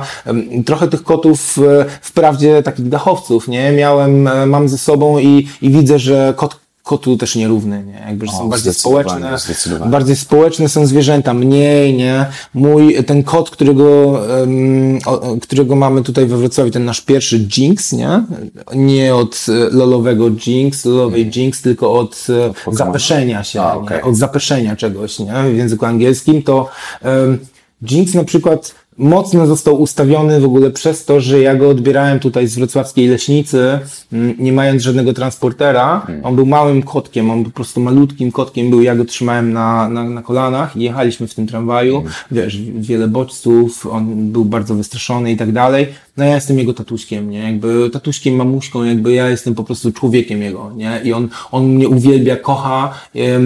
Kiedy tylko rozkładam się wygodniej w ogóle na kanapie, no to słyszę skrzypienie kartonu od pizzy, który leży na ziemi, jego miejscówka tam, kot idzie, przyciąga się i już zaraz do mnie ciśnie, żebym go drapał, nie? Jakby on jest, on jest tak we mnie zakochany, po prostu ja nigdy nie widziałem w ogóle czegoś takiego, jeżeli chodzi o kota, ale to dla mnie, jako dla gdzieś tam fana amatorskiego psychologii, tylko pokazuje, jak te wczesne doświadczenia są w stanie ustawić każdą istotę, która, która żyje, nie, nie tylko człowieka, nie? Prawda, prawda. W ogóle myślę, że wiele zwierząt e, może, może tak skrajnie się różnić od, od swoich, powiedzmy, pobratymców i tak dalej. I myślę, myślę, że tutaj nawet możemy mówić, no bo wiesz, cały czas mówimy psy, koty i tak dalej, No. a ja na przykład miałem wiele różnych zwierząt.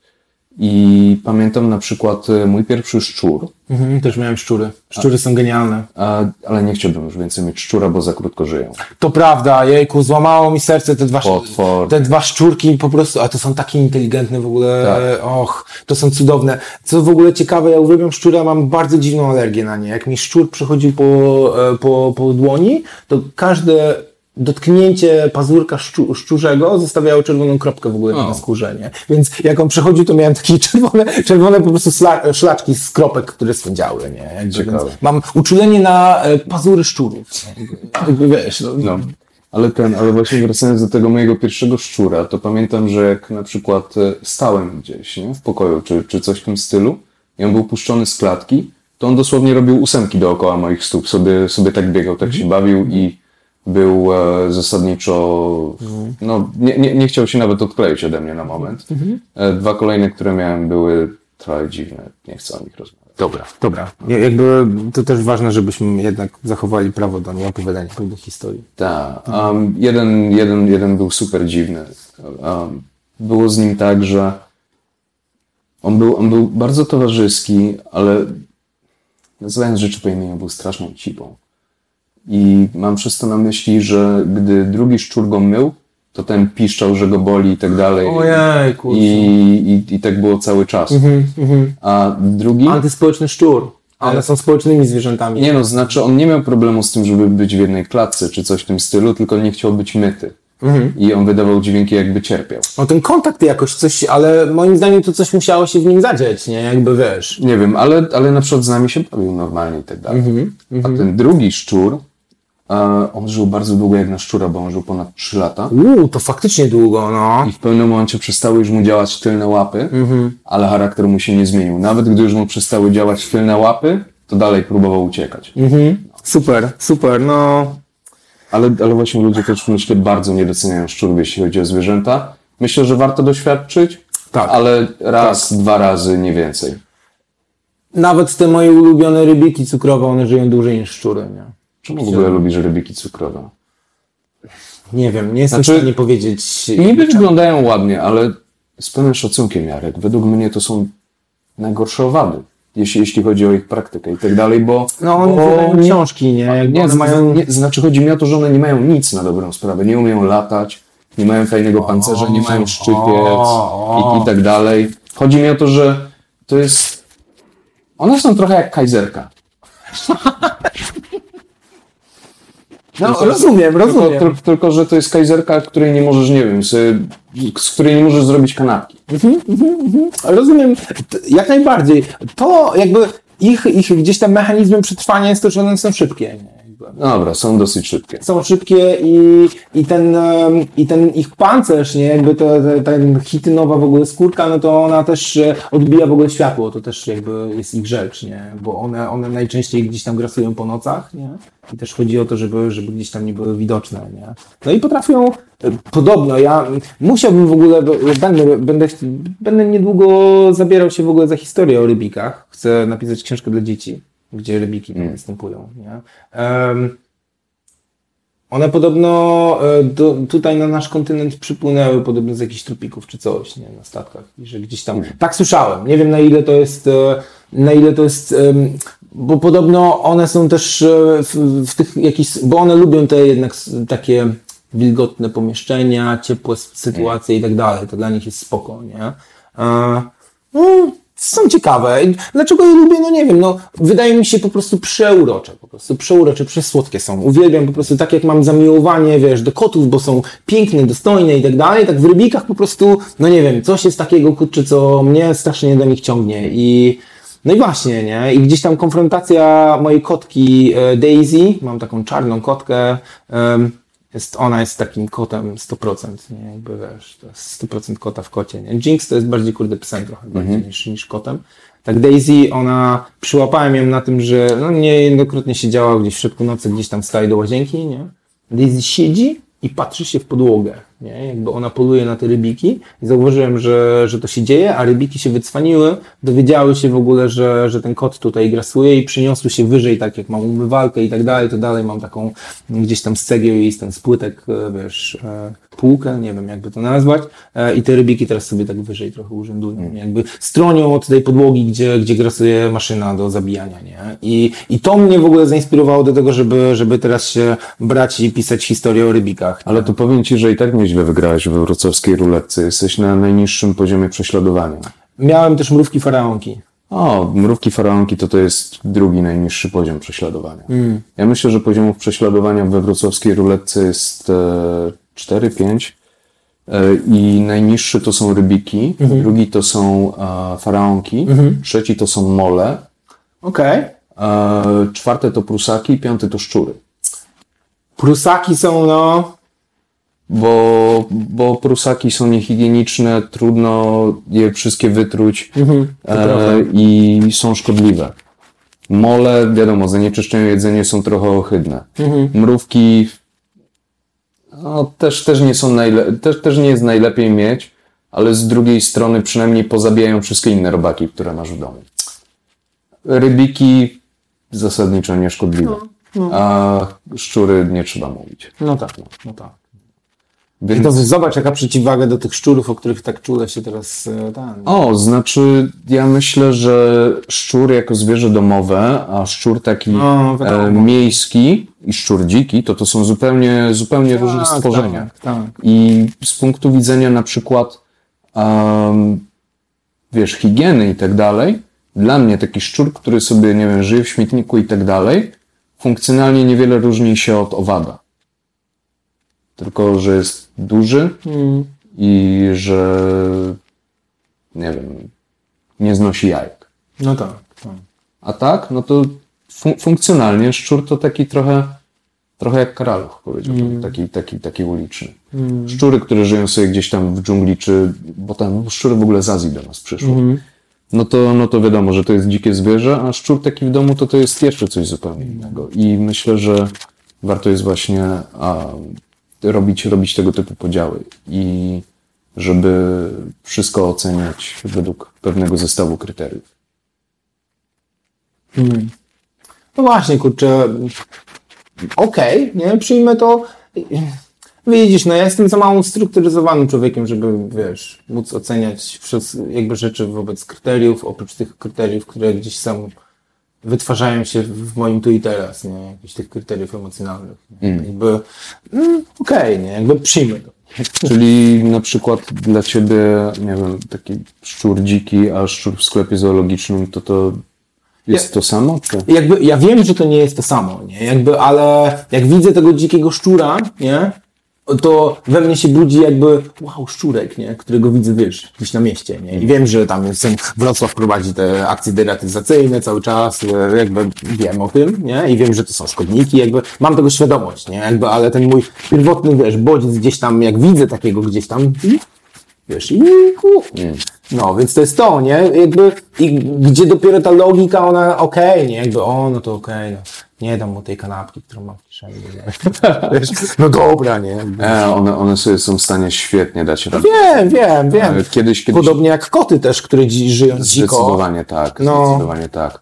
A propos szczura, to kiedyś jak szedłem po więziennej, to jest ulica obok rynku, Mhm. a widziałem jak szczur wyskakuje z krzaków, zagryza gołębia i wciąga go w te krzaki. Wow.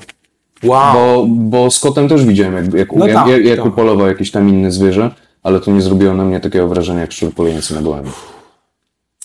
W zeszłym roku byłem w Hiszpanii pierwszy raz, byliśmy na wakacjach. Jak ci się podobało? Super w ogóle. A w którym miejscu były? Viret de Mar. A, klasyk. Viret de Mar.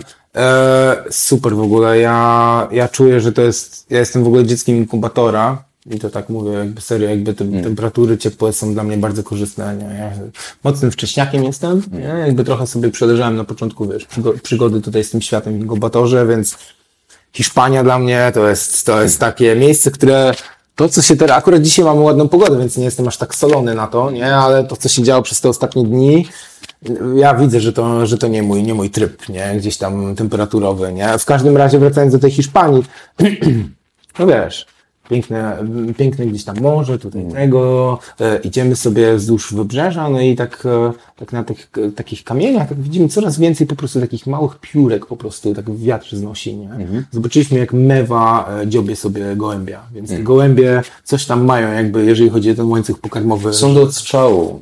W sen- w sensie, w sensie przez, przez wszystko, No, co jest no tak. chociaż trochę większe No od nich. tak, tak, tak. No.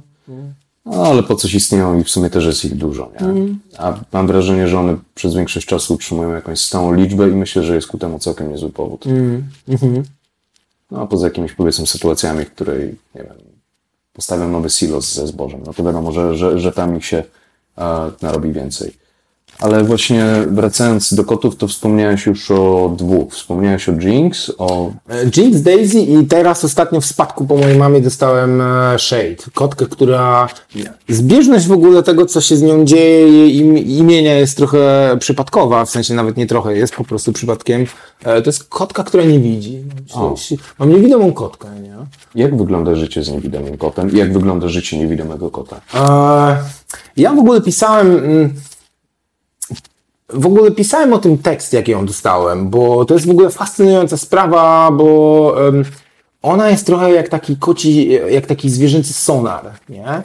Ona się przemieszcza i ona nawet nie wpada w ogóle w rzeczy, tylko jak, bo przez to, że koty mają te wibrysy, nie, te, te, te wąsy i tak dalej, one w różnych miejscach mają te, te takie włoski, które pomagają im czuć, co się dzieje obok i dlatego to też w ogóle usprawnia ich czas e, reakcji i polowania i tak dalej, nie, one też to mają na łapach i tak dalej. Em, ona nie wpada w ogóle w meble, nie? Ona po prostu jak, jak gdzieś idzie, ona ma ogólną, ja, ja to traktuję tak, że ona ma w głowie ogólną koncepcję mieszkania i gdzie co jest, nie? E, I czuje też różnice kafelki, no to wtedy wie, że jest albo w łazience, albo w kuchni, albo w przedpokoju, nie? Czuje panele, nie?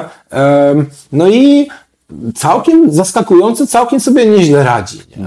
E, bo znajduje bez problemu, jedyne z czym ma problem, no to byśmy musieli mieć prawdopodobnie pod wszystkimi w ogóle rogami e, całego mieszkania kuwety. Nie? No bo ona idzie po prostu, dopóki nie znajdzie jakiegoś, jakiegoś obiektu, jakiegoś, jakiejś przeszkody, no i teraz zależnie od tego, co tam wyczuje, no to i jakie są jej potrzeby, nie?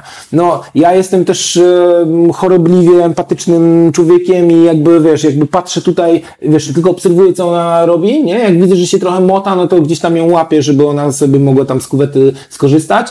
Czasami ona znajduje tą kuwetę sama, ale to jest czasami. Nie? Więc jakby, więc jest to kłopotliwe, więc no dla osób, które bardzo cenią swoje, swoje cudowne panele, no to nie polecam tego typu kota, nie? Albo jeżeli tak, no to polecam mieć jakieś e, lepsze rozwiązania niż, e, niż kuwety, które no gdzieś tam stawiamy je w rogach, nie? E, Mamy w tym momencie cztery kuwety, nie? Jak na małe mieszkanie i, i na trzy koty to jest okej, nie? No ale to po to, żeby ta Shade je odnajdowała, bo ona się nazywa Shade, nie? I to nie jest w ogóle, to jak ją nazywałem moich rodziców lata temu, to nie, ona jeszcze wtedy nie była niewidoma. To był normalny kot, ona miała jakiś w ogóle atak chyba padaczkowy czy coś takiego, nie? I przestała po prostu widzieć, nie? Więc to też jest w ogóle ciekawe, no bo to jest kot, który no, y, nie urodził się jakby z tym, e, z tą, z tą sytuacją, z, tym, z tą swoją ślepotą, tylko to zostało nabyte, ale kurczę, no naprawdę sobie jest kochana, nie? Jest w ogóle em, bardzo w ogóle, ba, bardzo lubi po prostu towarzystwo człowieka i jak się idzie, to gdzieś zmienia, zmienia się pomieszczenia, to jest praktycznie gwarancja, że ona będzie szła za tobą i, i żeby chociaż się położyć obok ciebie. Jakby lubi, lubi em, świadomość tego, że człowiek jest obok. Ale super jest. Ja naprawdę uwielbiam Shade i mm, wiesz, no też, też z tą kotką były lekkie przygody, bo okazywa, okazało się, że ona ma, to się chyba nazywa celiakia? To jest, A jak to się, glutenu? tak, że się nie może jeść glutenu i zbóż i tak dalej, nie? E, Niektóre w ogóle okazuje się, e, to tam mówię przyszłym kociarzom albo obecnym, którzy nie mają tego świadomości, dużo karm kocich ma zboże dodane. To jest, to jest duży problem. Tak, duży to jest problem. duży problem i w przypadku akurat kota, który naprawdę źle reaguje na to i ona naprawdę źle reagowała, wystarczyło po prostu, moja mama ją karmiła, no, moja mama dużo w ogóle kotów miała. Ja musiałem po, po, poznajdywać w ogóle e, domy dla tych kotów.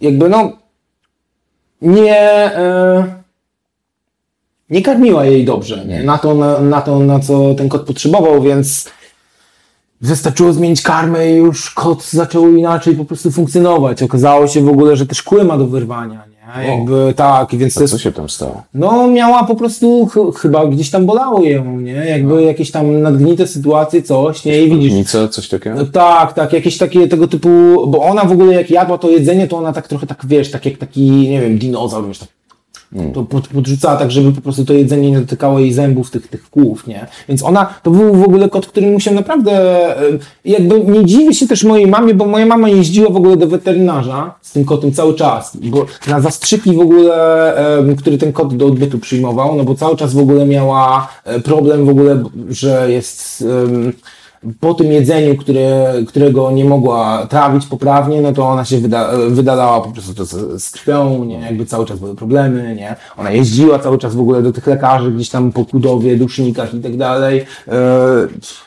I wiesz, no, ja tak mówię, zaraz, nie? Jakby, mówię, przecież już jest lepiej, nie? Mówię, dobra, spróbuję w ogóle dać jej taką kijową karmę, nie? Jakąś tam miałem puszkę i zobaczyłem, że no, kompletnie jest jakby, od, że to jest to. Nie? Wiedziałem, że to jest od razu to. Wystarczyło zmienić karmę, pójść do rzetelnego weterynarza, e, wyrwać później te kły i ona jako, jak kot, ona jako kotka się w ogóle tak zmieniła fizycznie po prostu. Ona wyko- wykotowała się. Wcześniej wyglądała po prostu jak taka buła, która ledwo sobie dawała radę, a teraz naprawdę jest, jest kom- kompletnie innym kotem, a to nie wiem, kurczę, minęło już tak, nie wiem, z pół roku, nie?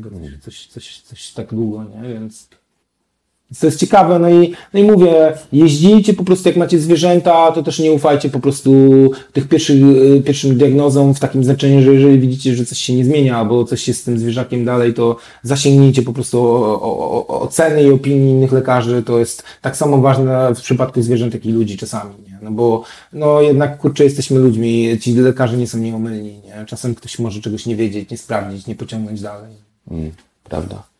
Um, jak na przykład jest z twoimi kotami? Czy one są wybredne? Bo na przykład jeśli chodzi o mojego kota, on żre tylko tuńczyka z jednej firmy i to nie w galaretce. E, A, przy, przepraszam, dopuszczę jeszcze tuńczyka z krewetkami, tuńczyka z krabem i tuńczyka z sardelami. Okej, okej. No to czyli ty jesteś faktycznie sługą kota, nie? Pod tym względem, że musisz wydawać. Ale, ale słuchaj, słuchaj je jak leci. Aha, no to okej, no to chociaż tyle, nie? Słuchaj, słuchaj uwielbia. No to spoko. No właśnie, um, Jinx i Daisy e, jedzą suche bez problemu, nie? Też kupuję im taką specjalną karmę dla kotów, które są sterylizowane, nie? E, no, bo, no bo wiadomo, Shade przez to, że nie ma tych kłów i nie, nie wiem, ona nigdy nie jadła suchego, więc ona, ona zawsze je em, gdzieś tam tą mokre, mokrą karmę. No i jeżeli chodzi o um, Jinxa i Daisy, te koty powiedzmy dachowe, normalne, nie? no to one są wybredne w takim znaczeniu, że one lubią pewną rotację w ogóle jedzenia. Nie? Jakby ja kupuję im saszety, puszki i tak dalej i warto po prostu zmiennie to robić, nie? Przynajmniej ja odkryłem, że koty wtedy inaczej trochę reagują, ale jak kota nauczyłeś jeść tuńczyka, to moim zdaniem już nic z tym nie zrobisz. dalej. O, ale ten, ale wiesz, próbowaliśmy wielu różnych rzeczy i, to- i to jest tak, że um, on miał takie jakby różne fazy, że na początku na przykład chciałeś tylko kurczaka, potem przez krótką chwilę chciałeś tylko jagnięcinę, dawaliśmy mu, wiesz, naprawdę różne rzeczy i wychodzi na to, że teraz je tylko tuńczyka. A on jest chyba rasowy, ten wasz Tak, kot. tak. My mamy ragdola i w sumie to jest kolejna rzecz, o którą chciałbym się ciebie zapytać, um, bo mówisz, że miałeś dachowce. Zakładam, że pewnie miałeś też kiedyś jakieś koty, koty rasowe. Chciałem się... Pół. Za... Półrasowe. Pół, okej. Miałem półrasowego kota. Miałeś, je, miałeś jedno półrasowego kota, okej. I chciałem się ciebie zapytać właśnie, jaki pogląd na koty rasowe i na mieszańce masz jako doświadczony kociarz? Wiesz co, no... Chyba podobny. Jakby... Ja rozumiem, że ludzie mogą mieć różne preferencje, ale ja nie jestem tego typu kociarzem, który mógłby mieć, wiesz, kocie preferencje. W sensie, mi na przykład imponują Maine Coony, bo wiem, że, że to jest kawał kota i że one są cholernie inteligentne, nie? Ale gdybym sam miał em, rozważać jakiegoś kota, no to raczej bym po prostu gdzieś tam uderzał w schronisko albo coś takiego. Dla mnie to zawsze były dachowce. Przez moment miałem, to były w ogóle czasy gdzieś tam gimnazjum, e, u- ukradłem nieświadomie w ogóle pół, pół perską kotkę od, od, od kumpla, nie, jakby, bo to wszystko w Kudowie się działo, więc jakby wiesz. Znaczy, znaczy, że doszło do jakiejś była- kradzieży w Kudowie, to mnie nie zaskakuje. E, bardziej, e, bardziej mnie zaskakuje, jakim cudem ukradłeś przypadkowo e, półrasowego kota? Historia wyglądała tak, że szedłem e, do szkoły z menażkami w ogóle i z kolegami gdzieś tam po obiad, coś tam odebrać, gdzieś tam idziemy, idziemy, nie? I patrzymy, a tam po prostu kotka, która sobie po ulicy idzie, no i wiesz, i wygląda majestatycznie, czarna w ogóle cała, długie, długie po prostu włosy, ogon, który wiesz, jak trzyma do góry, to się jak taki, jak taki pióropusz w ogóle, jak wiesz, ogon pawia, wiesz, w kocim wydaniu roz, rozpościera, nie? I Jejku, co kot, o co tu chodzi, nie? I oni mnie namówili, mówią, jejku, ale tu już jest zima, gdzie sobie ten kot da radę, Jarek musisz go wziąć w domu, przecież co mu, się, co mu tam będzie, nie? Więc jakby ja jako sugestywny gościu mówię, no kurde, macie rację, trzeba wykonać tutaj, wiesz, jakby oczywiście, że tak, nie? No, em, więc kotka w ogóle, kotka zamieszkała z nami, e, z mamą nigdy nie mogliśmy ustalić w ogóle, kto jej nadał imię Loki, bo ja sądzę, że to moja mama zrobiła, nie? Od tego, że ma długie włosy, a moja mama sądziła, że to ja od tego boga tam, nordyckiego, nie? Jakby do teraz nie jest to gdzieś tam rozwiązane, już nie będzie, no ale okej, nie? Jest ta Loki, mieszka sobie u nas przez kilka miesięcy, y, fast, jakby przewijamy do, do przodu kilka miesięcy, zapraszam kumpla y, tego właśnie y, pa, Pawła, mojego, mojego dobrego kolegę z tamtych, z tamtych lat i on przychodzi w ogóle do nas, nie? Na tą imprezę jakąś tam urodzinową, na którą go zapraszam, nie? Wchodzi, patrzy na kota i mówi, Milka. Kot do niego miał, nie? Jakby, I okazuje się, że Loki Milka to, no, to jest w ogóle, to jest fascynująca historia, bo ona też nam zniknęła na, kurde, kilka długich miesięcy. Sądziliśmy, że już jest po niej, nie? E, To już było jak gdzieś tam, e, ja już byłem pełnoletni, pamiętam, że wracałem z pracy w ogóle z baru e, i no, przychodzę tam w Kudowie, nie, niedaleko parku, jakiś tam, no nie wiem, czy byłeś w Kudowie, tam jest taki komin. Przejazdem. No, w każdym I razie... byłem też kaplicy czaszek, to akurat A, no ciekawe. to tak, tak, tak. Kaplice czaszek bardzo fajna rzecz. E, Według mnie w ogóle kaplice czaszek i, i to domaga się do tego, domaga się napisania historii, która nie do końca będzie prawdziwa, ale może będzie, wiesz, jakiś trochę, trochę pomieszanej fikcji, jakiegoś urban fantasy plus kaplice czaszek. Tam w ogóle też e, niedaleko gór stołowych jest stół rytualny taki e, z piaskowca, nie? Więc jakby tam są takie elementy, które można było fajnie w historię. W każdym razie wracam w ogóle do domu, koty biegną sobie, tam jest taki komin w Kudowie, no niedaleko tego komina, nie wiem czemu go cały czas w uzdrowisko nie wyburzą, wiem, że pieniądze i tak dalej, ale Kudowa by się trochę lepiej Może, może ten, może, może wiesz, jakiś konserwator zabytków to kryje czy coś? co chodzi. Nie wiem, nie wiem, nie wiem, nie, jakby nieważne. Niedaleko komina patrzę, jeden kot, drugi kot, trzeci kot tego i patrzę, a ten jeden z tych kotów w ogóle ma taki dziwny ogon, nie? I wygląda w ogóle jakoś dziwnie, to Ale, wieczorem. ale, ale że co było z nim? One, one sobie przebiegają, a ten ogon był jakiś taki inny niż te koty, które z dachowcy, które przebiegają. I ja tak w ogóle, Loki, nie? Kotka się zatrzymała, spojrzała na mnie i miałknęła. I to była ona. Okazało się, że po prostu zamieszkała sobie e, ze street katami, gdzieś tam e, koty uliczne i ona po prostu to jakiś sojusz się zrobił tutaj. Te jej długie, bo ona była pół, półpersem, nie? Miała tą taką mordkę jak normalny kot, ale te długie, długie kłaki. Em, Zrobiła jej się w ogóle z kołtunia skorupa. E, trzeba było ją ogolić, więc trochę śmiesznie wyglądała, nie? Przez moment, jak żeśmy się dotarli po prostu przez te kołtuny. No, no i mieszkała znowu z nami przez jakieś tam, nie wiem, kilka lat. Nie? Dopóki znowu nie zniknęła. Nie. Um, Więc to jest mój jedyny kontakt. E, Wracając w ogóle do tych kotów rasowych, to wiem, że ludzie mają różne preferencje i tak dalej, ale ja nie wiem. em, trochę jakieś takie abominacje z tego wychodzą jak dla mnie, nie? W sensie takim, jak masz na przykład te całe, e, jak to, mopsy, nie? Jakby, wiesz o co chodzi? No, Jakby tak.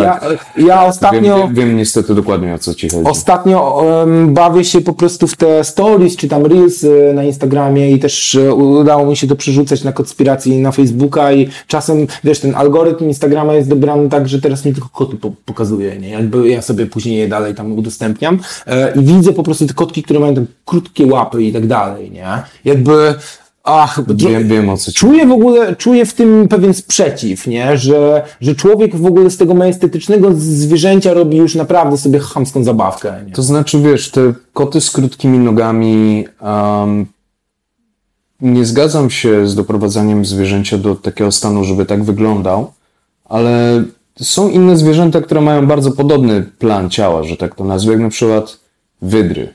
I one sobie śmigają i trzymają się całkiem nieźle. Natomiast mopsy, które przywołałeś wcześniej, one są na tyle zdeformowane, że one mają problemy z oddychaniem. I myślę, że to jest zupełnie inny poziom. To samo zjawisko, ale, ale niestety w wypadku mopsów jest wykręcone na 11. I No. być może nie spodoba się to ludziom, którzy Uwielbiają którzy mopsy, no. i którzy uwielbiają mopsy. Uważam, że, że ludzie, którzy uwielbiają mopsy. Dobra, może, może nieważne. Może nieważne. E, Ale uważam, że powinno się zakazać hodowli mopsów i bulldogów francuskich. Aha, bulldogi Bo- francuskie mają podobnie. E, ta, bulldogi francuskie mają w dużej mierze bardzo podobnie. I uważam, że te zwierzęta żyjąc się męczą.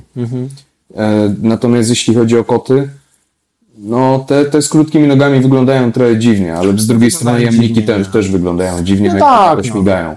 Tak, tylko że wiesz, no jakby, jakby ja czuję pewną różnicę, e, jeżeli chodzi o jamniki, bo to są kurde trochę psy funkcjonalne. No tak, one, one, one miały wejść do nory, Tak, zagryźć tak. lisa i go wyjąć. A ten kotek, który jest uroczy i ma krótkie łapki tylko po to, żeby miał krótkie łapki i fajne futerko, jakby ja wiem, że to jest ten selective breeding po to, żeby to było urocze w ogóle zwierzątko, nie? I no nie wiem, kurczę, jakaś taka ludzka buta mi się w tym jawi, która nie do końca mi się podoba. Jakby ja na konspiracji, jeżeli chodzi o te reelsy, to najczęściej udostępniam po prostu jakieś dachowce, nie? Albo super dzikie w ogóle rasowe koty, w sensie dzikie w takim znaczeniu, że sobie biegają, odbijają się od ściany. Jest na przykład taki znany kot gdzieś instagramowy Nimbus. Uwielbiam go. Nimbus jest Uwielbiam. świetny w ogóle. Zresztą, jak on to robi takie swoje... Tak, I, i, I dają te emotki z tak, autem tak, tak, tak, tak. Nimbus jest genialny. Nimbus do tego w ogóle Nimbus jest do tego stopnia, słuchaj, stał się w ogóle dla mnie jakimś tam symbolem, że moja podświadomość mi w ogóle go wrzuciła do snu, nie? Jakby, O. więc przyśnił mi się Nimbus, nie? E, już nie pamiętam w jakim kontekście, nie? Ale jakby dla mnie samo to, że on się pojawił, to już trochę pokazuje, że ostatnio się faktycznie mocno wkręciłem w konspirację, coś tam tutaj ten, więc Nimbus jest trochę celebrytą, nie? Wiesz, jakby, więc no, no, no, no Nimbus jest świetny. Nimbus jest świetny, a mm, jak mogę, no to ja raczej udostępniam takie powiedzmy tradycyjne koty, które po prostu robią kocie rzeczy lub mniej kocie rzeczy, albo jakieś duże koty. Duże koty są piękne, ja ubóstwiam je i e, Ale przez duże koty masz na myśli coś w stylu ragdola, czy coś w stylu lwy, tygrysa? tygrysy i tak dalej. E, Algorytm gdzieś tam ten instagramowy, nie wiem, raz na 10 mi pokaże jakiegoś tam właśnie panterę albo coś takiego, wiesz, tego typu naprawdę duże koty, nie? E, No to tam przeplotę pomiędzy tymi słodkimi kotkami i wrzucę takiego kota, który, który gdzieś tam ostrzy sobie pazury na kawałku drewna. Nie wiem, czy ja robię to po to, żeby ludzie jednak mieli świadomość tego, że trochę żyją z tymi dzikimi zwierzętami i że gdyby to miało kilka więcej, e, trochę więcej, większą skalę, to mieliby przechlapany z nimi, nie? Jakby e, nie wiem, czy robię to w ramach takiego trochę wiadra zimnej wody, ale no mi imponują te koty, mi każdy kot imponuje i no i po prostu, nie? Więc je, je, jest trochę tych kotów, które, które są naprawdę niesamowite. Te, te rasowe, one są przepiękne, nie? One naprawdę są przepiękne i urocze i no tylko właśnie, no nie wiem, to jest chyba mój wewnętrzny sprzeciw jakoś tak, żeby, żeby posiadać sobie urocze zwierzątko. Ja wiem, że to jakby tak, nie, ale no mam jakiś szacunek do tych istot inherentny, tak bym powiedział. Rozumiem. Znaczy, ja na przykład, no my mamy kota rasowego, my mamy ragdola i ja miałem takie podejście, że ja chciałem kota rasowego, bo nigdy wcześniej nie miałem kota i chciałbym mniej więcej wiedzieć, czego mogę się spodziewać. A mając na przykład dachowca, myślałem, że to jest nomen omen kot w worku. Więc, yy, więc tutaj miałem takie powiedzmy trochę, trochę podejście tak jak jakbym sprawiał sobie psa. Mhm, mhm, okej. I dlatego też wybrałem chyba z Okej. najbardziej psich ras. Okej, okej. No widzisz. No widzisz, no i właśnie widzisz, i ja przez to, że nigdy nie obcowałem z psami, nie, to nawet nie mam takiego... Hm, nawet nie mam takiego myślenia w ogóle, że to może być zwierzę, które się zachowuje w jakiś konkretny sposób.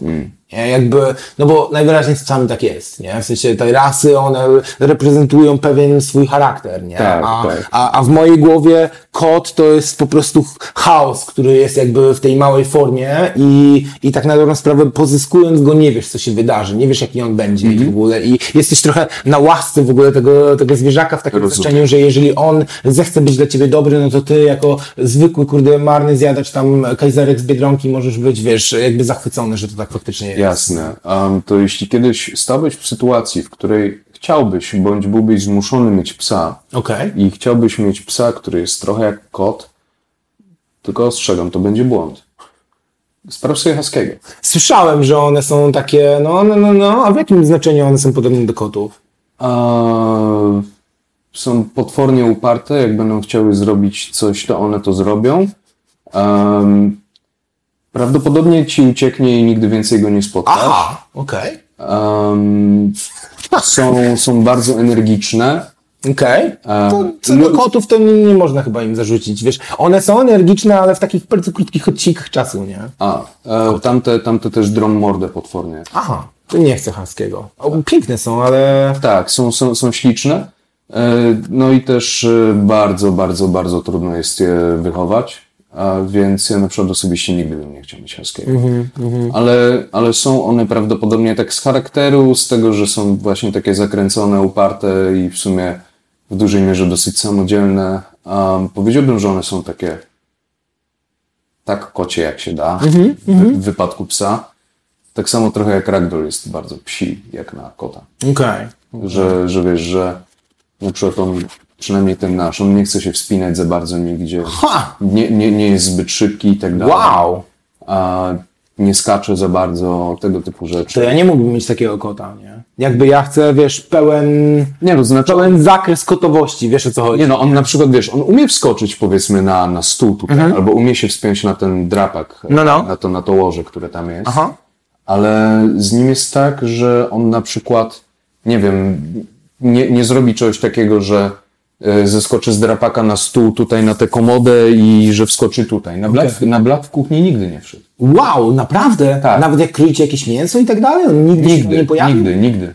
Grzecznie czeka na podłodze? Serio? On nawet do kuchni za bardzo nie wchodzi. Wow! On, jest- on, on jest taki, że jak ja na przykład jestem w kuchni, to on wie, że ja się z nim nie bawię. To znaczy, Mhm. że albo daję mu, nie będę mówił słowa na J, ale wiadomo o co chodzi. Okej. I wtedy przychodzi, albo wie, że ja robię coś w kuchni, że nie, że nie należy mi przeszkadzać i on nawet nie wchodzi tutaj do, do kuchni, nie, nie przystępuje tego progu. Okej. A tutaj, tutaj dla widzów, dla słuchaczy mam otwartą kuchnię.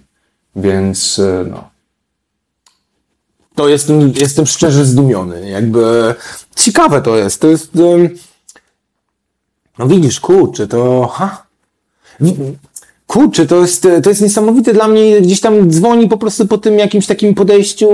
em, I tak sobie myślę w ogóle o kwestii kontroli, nie? I kwestii w ogóle tej. ale ja go nie uczyłem nawet. Nie, nie, nie, ale chodzi mi w ogóle w, w ramach zwierząt, nie? I w ramach w ogóle tego, co my, jako, jako ludzie, wiesz, jakby, to jest, jeszcze nie potrafię tego sformułować, nie? Ale wiem, że na przykład, em, no wiem, że ludzie, którzy mają psy, no to jakby lubią tą strukturę bardziej, nie? W sensie jakby... Myślę, że można tak powiedzieć. Wydaje mi się, że a, a ci tacy absolutni kurde kociarze, dlaczego niektórzy nienawidzą tak aż do szpiku kości kotów? No bo one robią rzeczy, Bo, bo są, bo są nie, nieprzewidywalne. No właśnie, nie? I niektóre osoby po prostu nie dźwigają tego typu sytuacji, nie? Które są nieprzewidywalne. To jest, dlatego tak myślę sobie o kontroli, strukturze, jakby tego typu sprawach, nie? I, i, I ten kod, który został gdzieś uformowany w ogóle w taki sposób, no bo to on, jakby to w naturze takiego ragdola nie ma, rozumiem, nie? Jakby on, ta nazwa tej rasy chyba się też wzięła w ogóle z O, tego, znaczy na, na, nazwa jest z tego, że jak go bierzesz na ręce, to on wie odczeje. Naprawdę? Tak. Że, że, że bierzesz i, i musisz go naprawdę dobrze trzymać, bo może ci się rozlać. Wow! Wow! No bo wiesz, znaczy tutaj, tutaj też dla widzów, dla słuchaczy, ragdoll to znaczy e, szmaciana ral- e, lalka po angielsku. I on dosłownie, jak się weźmie na ręce, to naj, to najprawdopodobniej e, tak się zarelaksuje, że trzeba uważać, żeby... No, no bo staje się prawie cieczą po prostu. Niesamowite. A że koty są cieszą, to, to wiadomo. Konspiracja każdego dnia to potwierdza. Tak, ale on jest cieczą bezwiednie. Wow, wow. Nieźle. Ciekawe w ogóle. O co tu chodzi z tym? Bardzo fascynujące. Tak, tak chyba zostały wyhodowane, czy coś. w tym stylu. No, no, no. Coś takiego mogłoby być. Mogło być, mogło być. No No, to no, widzisz- no bo wiesz, one też zostały zrobione, zostały wyhodowane jako koty dla towarzystwa. No, no, no. Żeby były miłe i żeby były łatwe w obsłudze. Mhm, mhm, mhm. Więc zakładam, że to też prawdopodobnie No. dużo tutaj miało do czynienia. Mhm.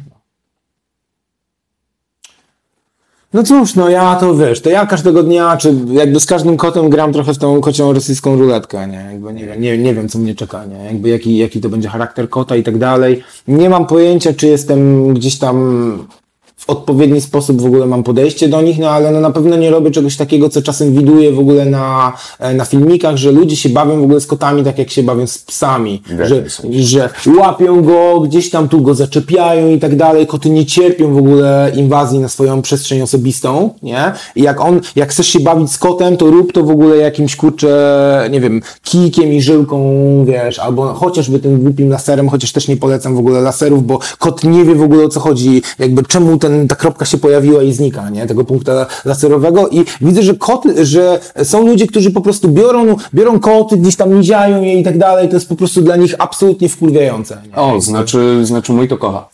Okej. Aha. Więc, więc e, ja jestem go sobie w stanie na przykład wiesz, Aha, to e, faktycznie wzi- on jest wzi- wzi- taki. wziąć tutaj, jestem go w stanie zacząć go sobie midziać, nie? No nie, no to wiesz, ja Jinxa też jestem w stanie wziąć i, I tak pomiziać go, on będzie mruczał. Nie? Ale na przykład, e, jeśli chodzi powiedzmy o jakąś zabawę czy coś w tym stylu, no to rano na przykład mamy taką zabawę, że e, ja kładę rękę pod kołdrę i tak szybko przesuwam, No, no. żeby, żeby był ten taki Tak, dźwięk, tak, nie? tak, ten, tak. Ten, ten taki psz, e, i ten. I na przykład e, potem nagle wysuwam rękę Mhm. i go delikatnie na przykład klepię w tylną łapę, nie? No, bo, no bo wiem, że przednie są bardzo No, no, czułe. no. E, I, i on, on zazwyczaj wtedy e, staje jak surykatka i robi tak i, I walczy, e, no. i, i, i walczy, albo, albo próbuje upolować po prostu. Mhm, A, Ale to już są te bezpieczne zabawy. Ja po prostu widzę w ogóle w internecie, gdzieś tam zwłaszcza w jakichś śmiesznych filmikach w ogóle, że ktoś po prostu łapie tego kota, targa w ogóle nim na lewo i prawo. Jakby widać, że to jest po prostu strasznie niekomfortowe. A, to dzisiaj rano próbował mnie zamordować Aha. poprzez, poprzez e, skakanie mi na rękę i gryzienie mnie. I wiedziałem, że jak go na przykład, wiesz, tak chwycę za pysk, no to, że nie będzie to dla niego komfortowe, No, ale no. robiłem to po to, żeby No tak, żeby się obronić, nie? no. Jakby, żeby, że on przestał. No, No. no. tak, tak, no. Rozsądne, rozsądne. Ale i tak okazało się, że najlepszą metodą obrony mnie było, jak, jak, jak moja droga żona wzięła go sobie na kolana i już się zrelaksował i nie wiedział, co zrobić i minęła mu agresja. No, no. Ja tak próbuję w ogóle um, rozbrać Jinxa, bo on jakby, to jest w ogóle kot, który, jakby on niespecjalnie lubi inne koty. Nie? Jakby ten, ten mój pierwszy tutaj wrocławski kot, on widać, że jest team ludzie, zwłaszcza kiwnia, nie? I jak żeśmy tą, po kilku latach e, wzięli Daisy, to mm, tą ko- jakby drugą kotkę, to oni się średnio dogadują, już teraz już jest lepiej z nimi, ale na przykład nie będzie między nimi tak, że one będą leżały gdzieś tam przytulone i się lizały, na, jakby, jak dojdzie do tego, że załóżmy, nie wiem, siedzi sobie zaspany Jinx i akurat Daisy przychodzi obok, ona jest kochana jakby w stosunku do niego, do, do Shade i tak dalej, to Jinx ma z nią problem. Ona podejdzie, poniżej go gdzieś tam po głowie, coś, nie? To jak on jest zaspany i nie do końca na świadomce tego, co się dzieje, no to da się polizać, nie? Nie będzie warczał na nią, ale, ale jak jest tak rozbudzony i tak dalej, to nawet po prostu jak ta biedna Shade, jak to jest koci sonar, po prostu, wiesz, łódź podwodna, która nie ma, wiesz, jakby w którą stronę idzie i ona przychodzi akurat i, i idzie po prostu w jego stronę, o jego to stresuje, nie? Jakby on nie ma najwyraźniej dobrego doświadczenia z innymi kotami, albo po prostu traktuje inne koty jako, jako nie wiem, ja w ogóle sądzę, że on jest bardzo zazdrosny, nie? On naprawdę, naprawdę jest tak, nie? Wiesz, gdzieś Monika mnie złapie za rękę czy coś, albo e, leżymy na kanapie, ona się oprze o mnie, no to widać w ogóle, że Jinx jest jakby, że uruchamia się w nim ten bodziec gdzieś tam zazdrości, więc podejrzewam, że te inne koty, no to jest znowu odebranie, kurde, to jest tak jak masz dziecko i no to się normalnie dzieje podobno, kiedy masz pierwsze dziecko i później się pojawia to drugie, no to ten element zazdrości w stosunku do rodzica jest czymś naturalnym, więc, e, więc tak jest podob- prawdopodobnie z Jinxem, nie? Jakby on inne koty traktuje trochę jako zag- zagrożenie dla, dla miłości, którą ode mnie dostaje, nie? A mówię to jakby bez, e, bez żadnego przekąsu, ani nie zgrywam się, bo naprawdę to jest, to jest kot, który po prostu simpuje, nie? Jakby on uwielbia, on naprawdę uwielbia mnie, jakby i ja mogę go w każdym momencie wziąć na ręce i on zacznie mruczeć, nie? On od razu, od razu zaczyna drapać, mruczeć, ślinić się, nie?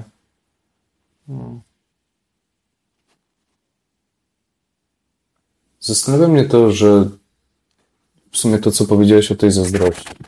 Na przykład, jak, jak położymy się w łóżku, to kot jest w stanie przyjść i zacząć się po prostu drzeć, że się z nim nie bawimy. Myślisz, że to chodzi o zazdrość, czy bardziej o nudę? Ciężko powiedzieć, no. Ciężko powiedzieć, no. Wiesz, no. Ja z tego, z tego, co ja rozumiem, no to hmm, stany emocjonalne często nie muszą dotyczyć jednej emocji. To może być jedno i drugie, nie? On może być jakby, e, jakby trochę zazdrosny i znudzony, nie? Jakby czuje się, że nie jest wkluczony po prostu w to, co się dzieje, bo wy akurat sobie idziecie spać, nie? A wchodzi wam do łóżka? Um, do mnie przychodzi wieczorami, wtula się na powiedzmy 10-15 minut Okej. na głaskanie i potem idzie sobie spać tutaj. Okej, okej. No, no to, no właśnie, nie? On może jakby, on, on może jest trochę niezadowolony z tego stanu rzeczy, że, że wy sobie gdzieś idziecie, w ogóle co to ma być, przecież siedzieliśmy i było tak fajnie, nie? Jakby, no może to być tego typu, typu sytuacja, nie? Jakaś tam zazdrość pomieszana właśnie z tym, wiesz, nudą, lekkim oburzeniem, nie? Jakby co, co to tutaj, nie? No, Mam wrażenie, że właśnie to jest chyba duży problem z posiadaniem kota, zwłaszcza pierwszy raz, tak jak, tak jak ja mam. Mhm. Że trochę trudno czasami jest określić to dokładnie, Co on co, co, co on chce i, i raczej dlaczego on to chce.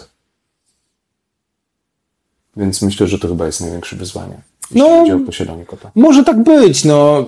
Wiesz, dużo takich zachowań, które gdzieś są obserwowane, powiedzmy, w tej przestrzeni memicznej, internetowej, jeżeli chodzi o koty, nie, no to, to, to potrafi być jakby wyjaśnione, czy gdzieś tam, no właśnie trzeba traktować w ogóle te zwierzęta jako półdzikie trochę, nie?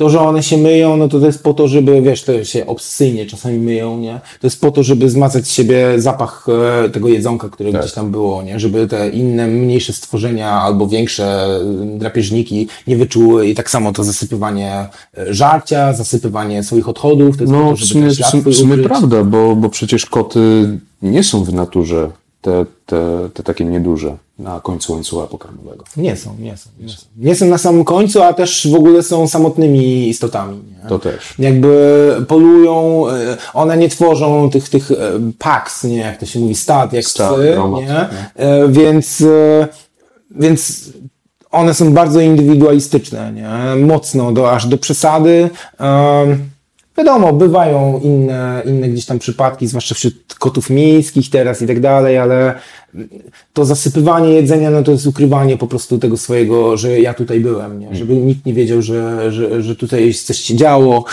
Wskakiwanie, jak e, koty gdzieś tam, ludzie się wkurzają, że wskakują gdzieś tam po półkach wysoko i tak dalej. Kot, który jest wysoko, który umieścił się na półce, on, to jest dla niego miejsce obserwacyjne. On się czuje tam bezpiecznie, nie? O, Zauważ w ogóle, nie wiem, właśnie tra, trudno mi się wypowiadać o twoim kotku o pizzy, nie? tak ma na imię, o pizzy, że jakby że to z nim jest tak samo, ale koty często wybierają w ogóle so- sobie strategicznie miejsce, w którym one obserwują w ogóle całe pomieszczenie, albo mają dostęp do obserwowania całego pomieszczenia.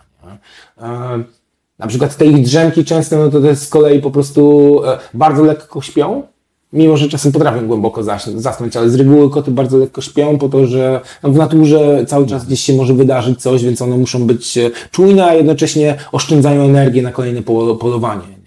To ich bawienie się jakimiś tam papierkami i tak dalej, no to to jest w ich naturze, bo one cały czas muszą testować swoje zdolności łowieckie. Nie? O, no uwielbia latać ze sznurówkami. Tak, sznurówki, oczywiście, że tak. Nie? Sznurówki, jak, mm, nie wiem, czy to jest kurde najlepszy pomysł, ale ja, ja czasami, czasami biorę jakieś tam piórko, znajdę na, wiesz, gdzieś tam w naturze, to, to, to przyniosę moim kotom, to za piórkiem po prostu latają jak szalone, nie? Do, do momentu, w którym, e, do momentu, w którym one nie zostanie gdzieś tam pożarte, nie? Albo wybawione się, że już nie jest takie fajne i lekkie, ale one cały czas gdzieś tam testują te swoje zdolności, cały czas są w tym, w tym stanie gotowości do tego, żeby, żeby coś się zadziało, nie? No i dlatego mówię, możemy w moim odczuciu wiele, mm, wiele z nich brać takiego, mm, takiego zachowania, które jest no mimo wszystko sensowne, nie? Jest, bo to dla nich jest sensowne, nie? I one, one się uaktywniają wtedy, kiedy naprawdę muszą, nie? Jakby ten, ten, albo kiedy czują, że to jest potrzebne. Te, e, e, Nimbus prawdopodobnie, ten, o którym wspominaliśmy, który tak biega po prostu jak dziko, to jest, to jest prawdopodobnie jego zachowania tak zwane, coś, nie wiem, czy to w ogóle ma przełożenie na język polski, ale jest coś takiego, co się nazywa zoomis, nie? Jest to, że kot jak się wypróżni, Jest, to... jest, jest, jest takie brzydkie określenie, którego wolałbym nie Okej, mówić. no to ja, ja mówię na to... Dostawać lca. Okej, okej. Ja mówię na to hipersoniczność, nie? Okej, bo, dobra. bo, bo kot w ogóle wtedy nagle wszędzie się po prostu znajduje, jakby on biegnie i tak dalej i ta hipersoniczność, nie, to ona... Może, może dostać bzika. No tak, on dostaje tego bzika, ale on dostaje tego bzika, ja przynajmniej, nie jest to dla mnie potwierdzone, bo jeszcze kurde nie, mimo że uwielbiam koty i tak długo jakby z nimi obcuję, to niewiele czytałem gdzieś tam książek o kocim behawioryzmie, ale z moich obserwacji jakiegoś takiego logicznego podejścia to jest, e, to jest kwestia em, tego, żeby oddalić się od tych, od, od tych odchodów, które znowu potencjalnie mówią innym drapieżnikom albo im, ich ofiarem, że one tutaj były. Nie? Więc jak one dostają tego, tego, tego przyspieszenia po tym, no to potrafią te odległości gdzieś tam pokonać od tego miejsca, gdzie, gdzie się akurat załatwiły. Nie? No bo w naturze, no to każda informacja to już jest potencjalne zagrożenie. Nie? W sumie teraz jak tak mówisz, to mój kot na przykład, on, on biega podobnie trochę jak Nimbus. Mhm. Super, chciałbym A, zobaczyć. tylko, że on to w sumie zawsze robi w okolicy dziewiątej wieczu. Czyli zasadniczo w porze, w której w naturze on też byłby najbardziej aktywny, Mhm. bo wtedy najbardziej aktywne są jego ofiary, czyli Tak. gryzony. Tak, tak, tak. Wtedy i rano. Tak, tak. Więc wydaje mi się, że akurat jeżeli chodzi o psy, no to wiadomo, psy mogą być tak ułożone jak ludzie, a jeżeli chodzi o koty, to trzeba trochę pokminić, jakby w ogóle to zwierzę, jakby skąd te jego zachowania się biorą, nie? Względem tego, co on by w naturze robił tym, albo tym osiągał, nie? Jakby i, i wtedy jest trochę łatwiej, i wtedy jest, wydaje mi się, że trochę łatwiej zrozumieć te czasem bezsensowne zachowania kotów, gdzieś tam drapanie w jakieś miejsce i tak dalej, nie? No, to, że on drapie, kurde, ci w meble, to on nie robi tego, kurde, bo e, sądzi, że jesteś jakby beznadziejny, bo kupiłeś sobie drogi fotel, nie? Jakby ich chcecie ukarać w ogóle za to. Ludzie widzę w ogóle bardzo wiele personifikują na zwierzęta, nie? Jakby to, to mi się absolutnie nie podoba, bo to jest po prostu takie, no nie wiem, takie ludzkie, kurde, i czubko nosowe, bym tak to nazwał, wiesz o co chodzi. O, nie? znaczy wiesz, ludzie starają się sobie racjonalizować mnóstwo rzeczy i dlatego na przykład um, mają wrażenie, że takie o, mój pies mnie rozumie i tak dalej, nie? A, a gdybyś mu powiedział ojej, chodź tu tutaj, rozwalę ci głowę młotkiem i zjem cię potem, no to on by się cieszył tak samo, jakbyś do niego zrobił, mój niuniuziu No tak, i tak, tak, dalej, tak, nie? oczywiście, nie? Więc, więc y, no, ludzie starają się jakoś, wiesz, postrzegać tego typu rzeczy przez, przez y, pryzmat naszego człowieczeństwa, bo po prostu one z naszego punktu widzenia mają sens, a myślę, że na przykład koty, czy psy, czy szczury, czy cokolwiek innego robią jakieś swoje rzeczy, bo z ich punktu widzenia to też ma sens. Jak najbardziej, no. No i właśnie, nie, ale to, to, to, to, wydaje mi się, że w ogóle jest dobra rada i, i zarówno w, w relacji ze zwierzęciem, jak i z drugim człowiekiem trochę próbować wyjść z własnej głowy, nie, jakby i trochę jakby em, pomyśleć sobie, okej, no ta moja perspektywa nie jest jedyną, nie, jakby jeżeli już kurczę to uznamy, tak faktycznie to uznamy i potrafimy, okej, no to co właściwie ten kot tutaj, czemu on akurat w to miejsce drapie, nie, jakby o co tutaj chodzi, co on tam Wiesz, to, to może być tak, że tam kurczę za tą szafkę poleci jakiś rybik, nie?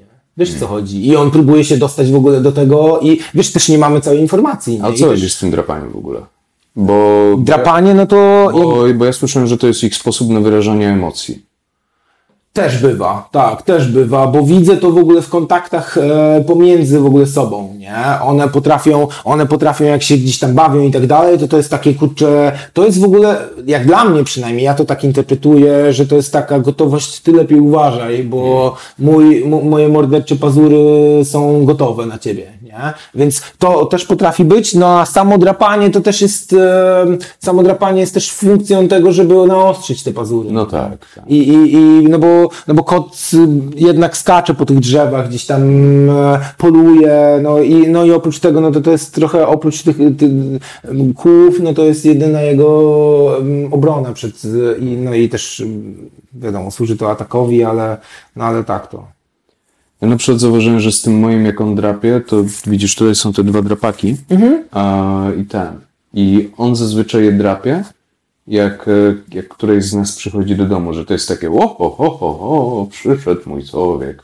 No, no, że, no. Że, że robi tak, jak się podekscytuje. Ale on może, bo widzisz, to I, jest i że, tak. że to jest trochę jakby, nie wiem, jakby starał się jakoś pojąć swoje emocje albo je rozładować, czy coś. Wiesz co? Em, to też może być tak, że on widzi w ogóle, że wy doceniacie to, jak on drapie i on w ogóle jakby próbuje tym pokazać, że on jest dobrym kotkiem i cieszy się w ogóle na to, że przyszliście. Nie? Jakby, bo... W sumie, w sumie koty bardzo dużo się uczą właśnie na, na zasadzie obserwowania, nie? Tak, tak, tak, jak najbardziej. I em, jakby wiadomo, są koty, które są głupkami, nie? No, Są ludzie, którzy niezbyt są inteligentni, jakby wiadomo, nie? Ale, ale wydaje mi się, że, bo to też jest tak, że ta pierwotna funkcja, ona może znaleźć inne zastosowanie, nie? E, miałem na przykład ta e, kotka, o której wspomniałem, ta półperska, ona była głupiutka strasznie, nie? Jakby piękna, piękna, cudowna, kochana, ale głupiutka. Jest z moim, jest głupi jak but, ale tak go kocham. No, no, no, no.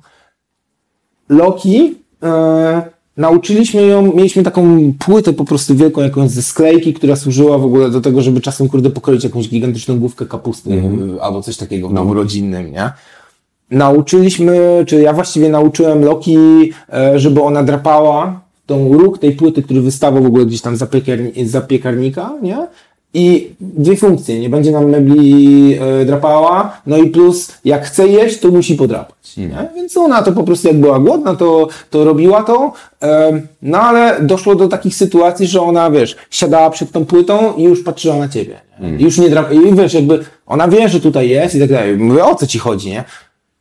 Ledwo w ogóle musnęła to pazurem już sądziła, że to jest okej, nie? Jakby, więc em, wydaje mi się, że, e, że wasz ko- kotek to, to może po prostu się cieszyć, nie? I, i, i pokazywać, dlatego no mówię, no ciężko jest tak, wiesz, przekładać, e, przekładać pewne zachowania na, na całokształt jakiejś rasy czy jakiegoś e, zwierzęcia, no bo e, wszystko zależy od tych warunków, w jakich to wzrasta, nie? W jakich to zostaje używa, użyte, interpretowane przez człowieka i w ogóle, nie? Jakby, em, prawdopodobnie pies, który był kiedyś zbity przez łysego człowieka, no to nagle będzie się inaczej zachowywał i my, kurde, nie rozumiemy, dlaczego on na moich łysych kolegów szczeka, nie?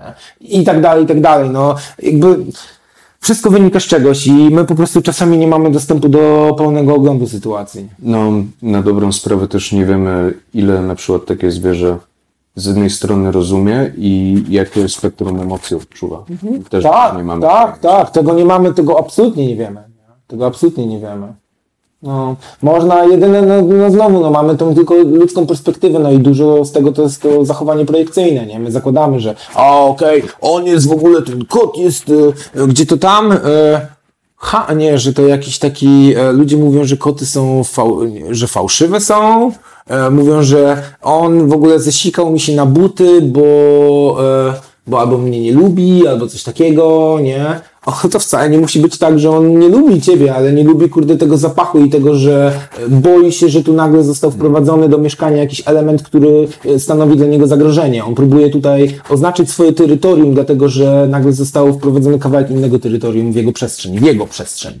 Bo kot traktuje mieszkanie jako już swoją przestrzeń, nie? Jakby nas traktuje jako inne koty, zwierzęta, nie? Które często są nieudolne, dlatego trzeba im myszy przynosić i tak dalej. Koty, które są gdzieś tam wychodzące. Podobno jest tak, że ko- jeżeli kot przynosi ci właśnie jakieś takie na wpół martwe zwierzę, no to traktuje ciebie jako kompletnie niekompetentnego łowcę, który, który potrzebuje wsparcia w tym, bo umrze sobie z głodu, więc no masz tu człowiek, nie? Jakby, więc stąd, stąd i wracając trochę do konspiracji, nie? Stąd ja, to moje podejście konspiracyjne jest właśnie takie, nie? Jakby takie staram się jakby przełożyć to patrzenie kota potencjalnie na, na człowieka, nie? Jakby, że ta doza jakiejś takiej pogardy i co w ogóle z ciebie za łowca, nie? Jakby, wiesz, jakby, co ty robisz? Obcinasz sobie te pazury, nie? Jakby, o co tu chodzi, nie? Jakby, bez sensu, nie? Bez sensu. Jasne. Dobra. Um, myślę, że chyba będziemy już e, zmierzać ku końcowi. Bo w sumie już tak trochę siedzimy i trochę rozmawiamy. Mhm, trochę tak, no. Już, już, już światło robi się kiepskie. Aha, Tak aha. dalej. Ale ten, ale mimo wszystko jeszcze raz, jeśli chcielibyście zobaczyć, co Jarek wyczynia w internecie, to znajdźcie sobie Kotspiracja na Facebooku bądź na Instagramie. Jarku, czy chciałbyś jeszcze się czymś podzielić z ludźmi? Nie, z Tobą chciałbym się podzielić, że dziękuję Ci za zaproszenie. Już e, do, do, dobiegamy końca, więc e, miło było w ogóle porozmawiać o konspiracji. Em, miałem przez e, kilka lat pod rząd tam taki, e, takie zachowanie, że co 17 lutego e, Światowy Dzień Kota i jednocześnie moje urodziny, to prowadziłem live'y. Akurat tego e, tutaj e, jakby odeszło mi podczas tego roku i wiesz, tak nie mam okazji zbytnio o tym projekcie porozmawiać z ludźmi, więc, e, więc to tak miło, nie? I więc stąd dziękuję, że pomyślałeś o mnie i e, dzięki za słuchanie. Mam nadzieję, że wszystkim się podobało. Ja Tobie, Jarku, również dziękuję, że, że przyszedłeś. No i ten, trzymajcie się i do kolejnego razu. Hej! Dzięki wielkie za przesłuchanie tego odcinka. Jeśli podobał Ci się, oceń go zaobserwuj ten podcast, aby być na bieżąco z kolejnymi nagraniami. Dzięki wielkie. Jeśli szukasz usług z zakresu mediów społecznościowych bądź marketingu dla swojej gry komputerowej, albo jeśli masz zapytania biznesowe, napisz do mnie wiadomość na jakub.hipsagency.com. Do usłyszenia.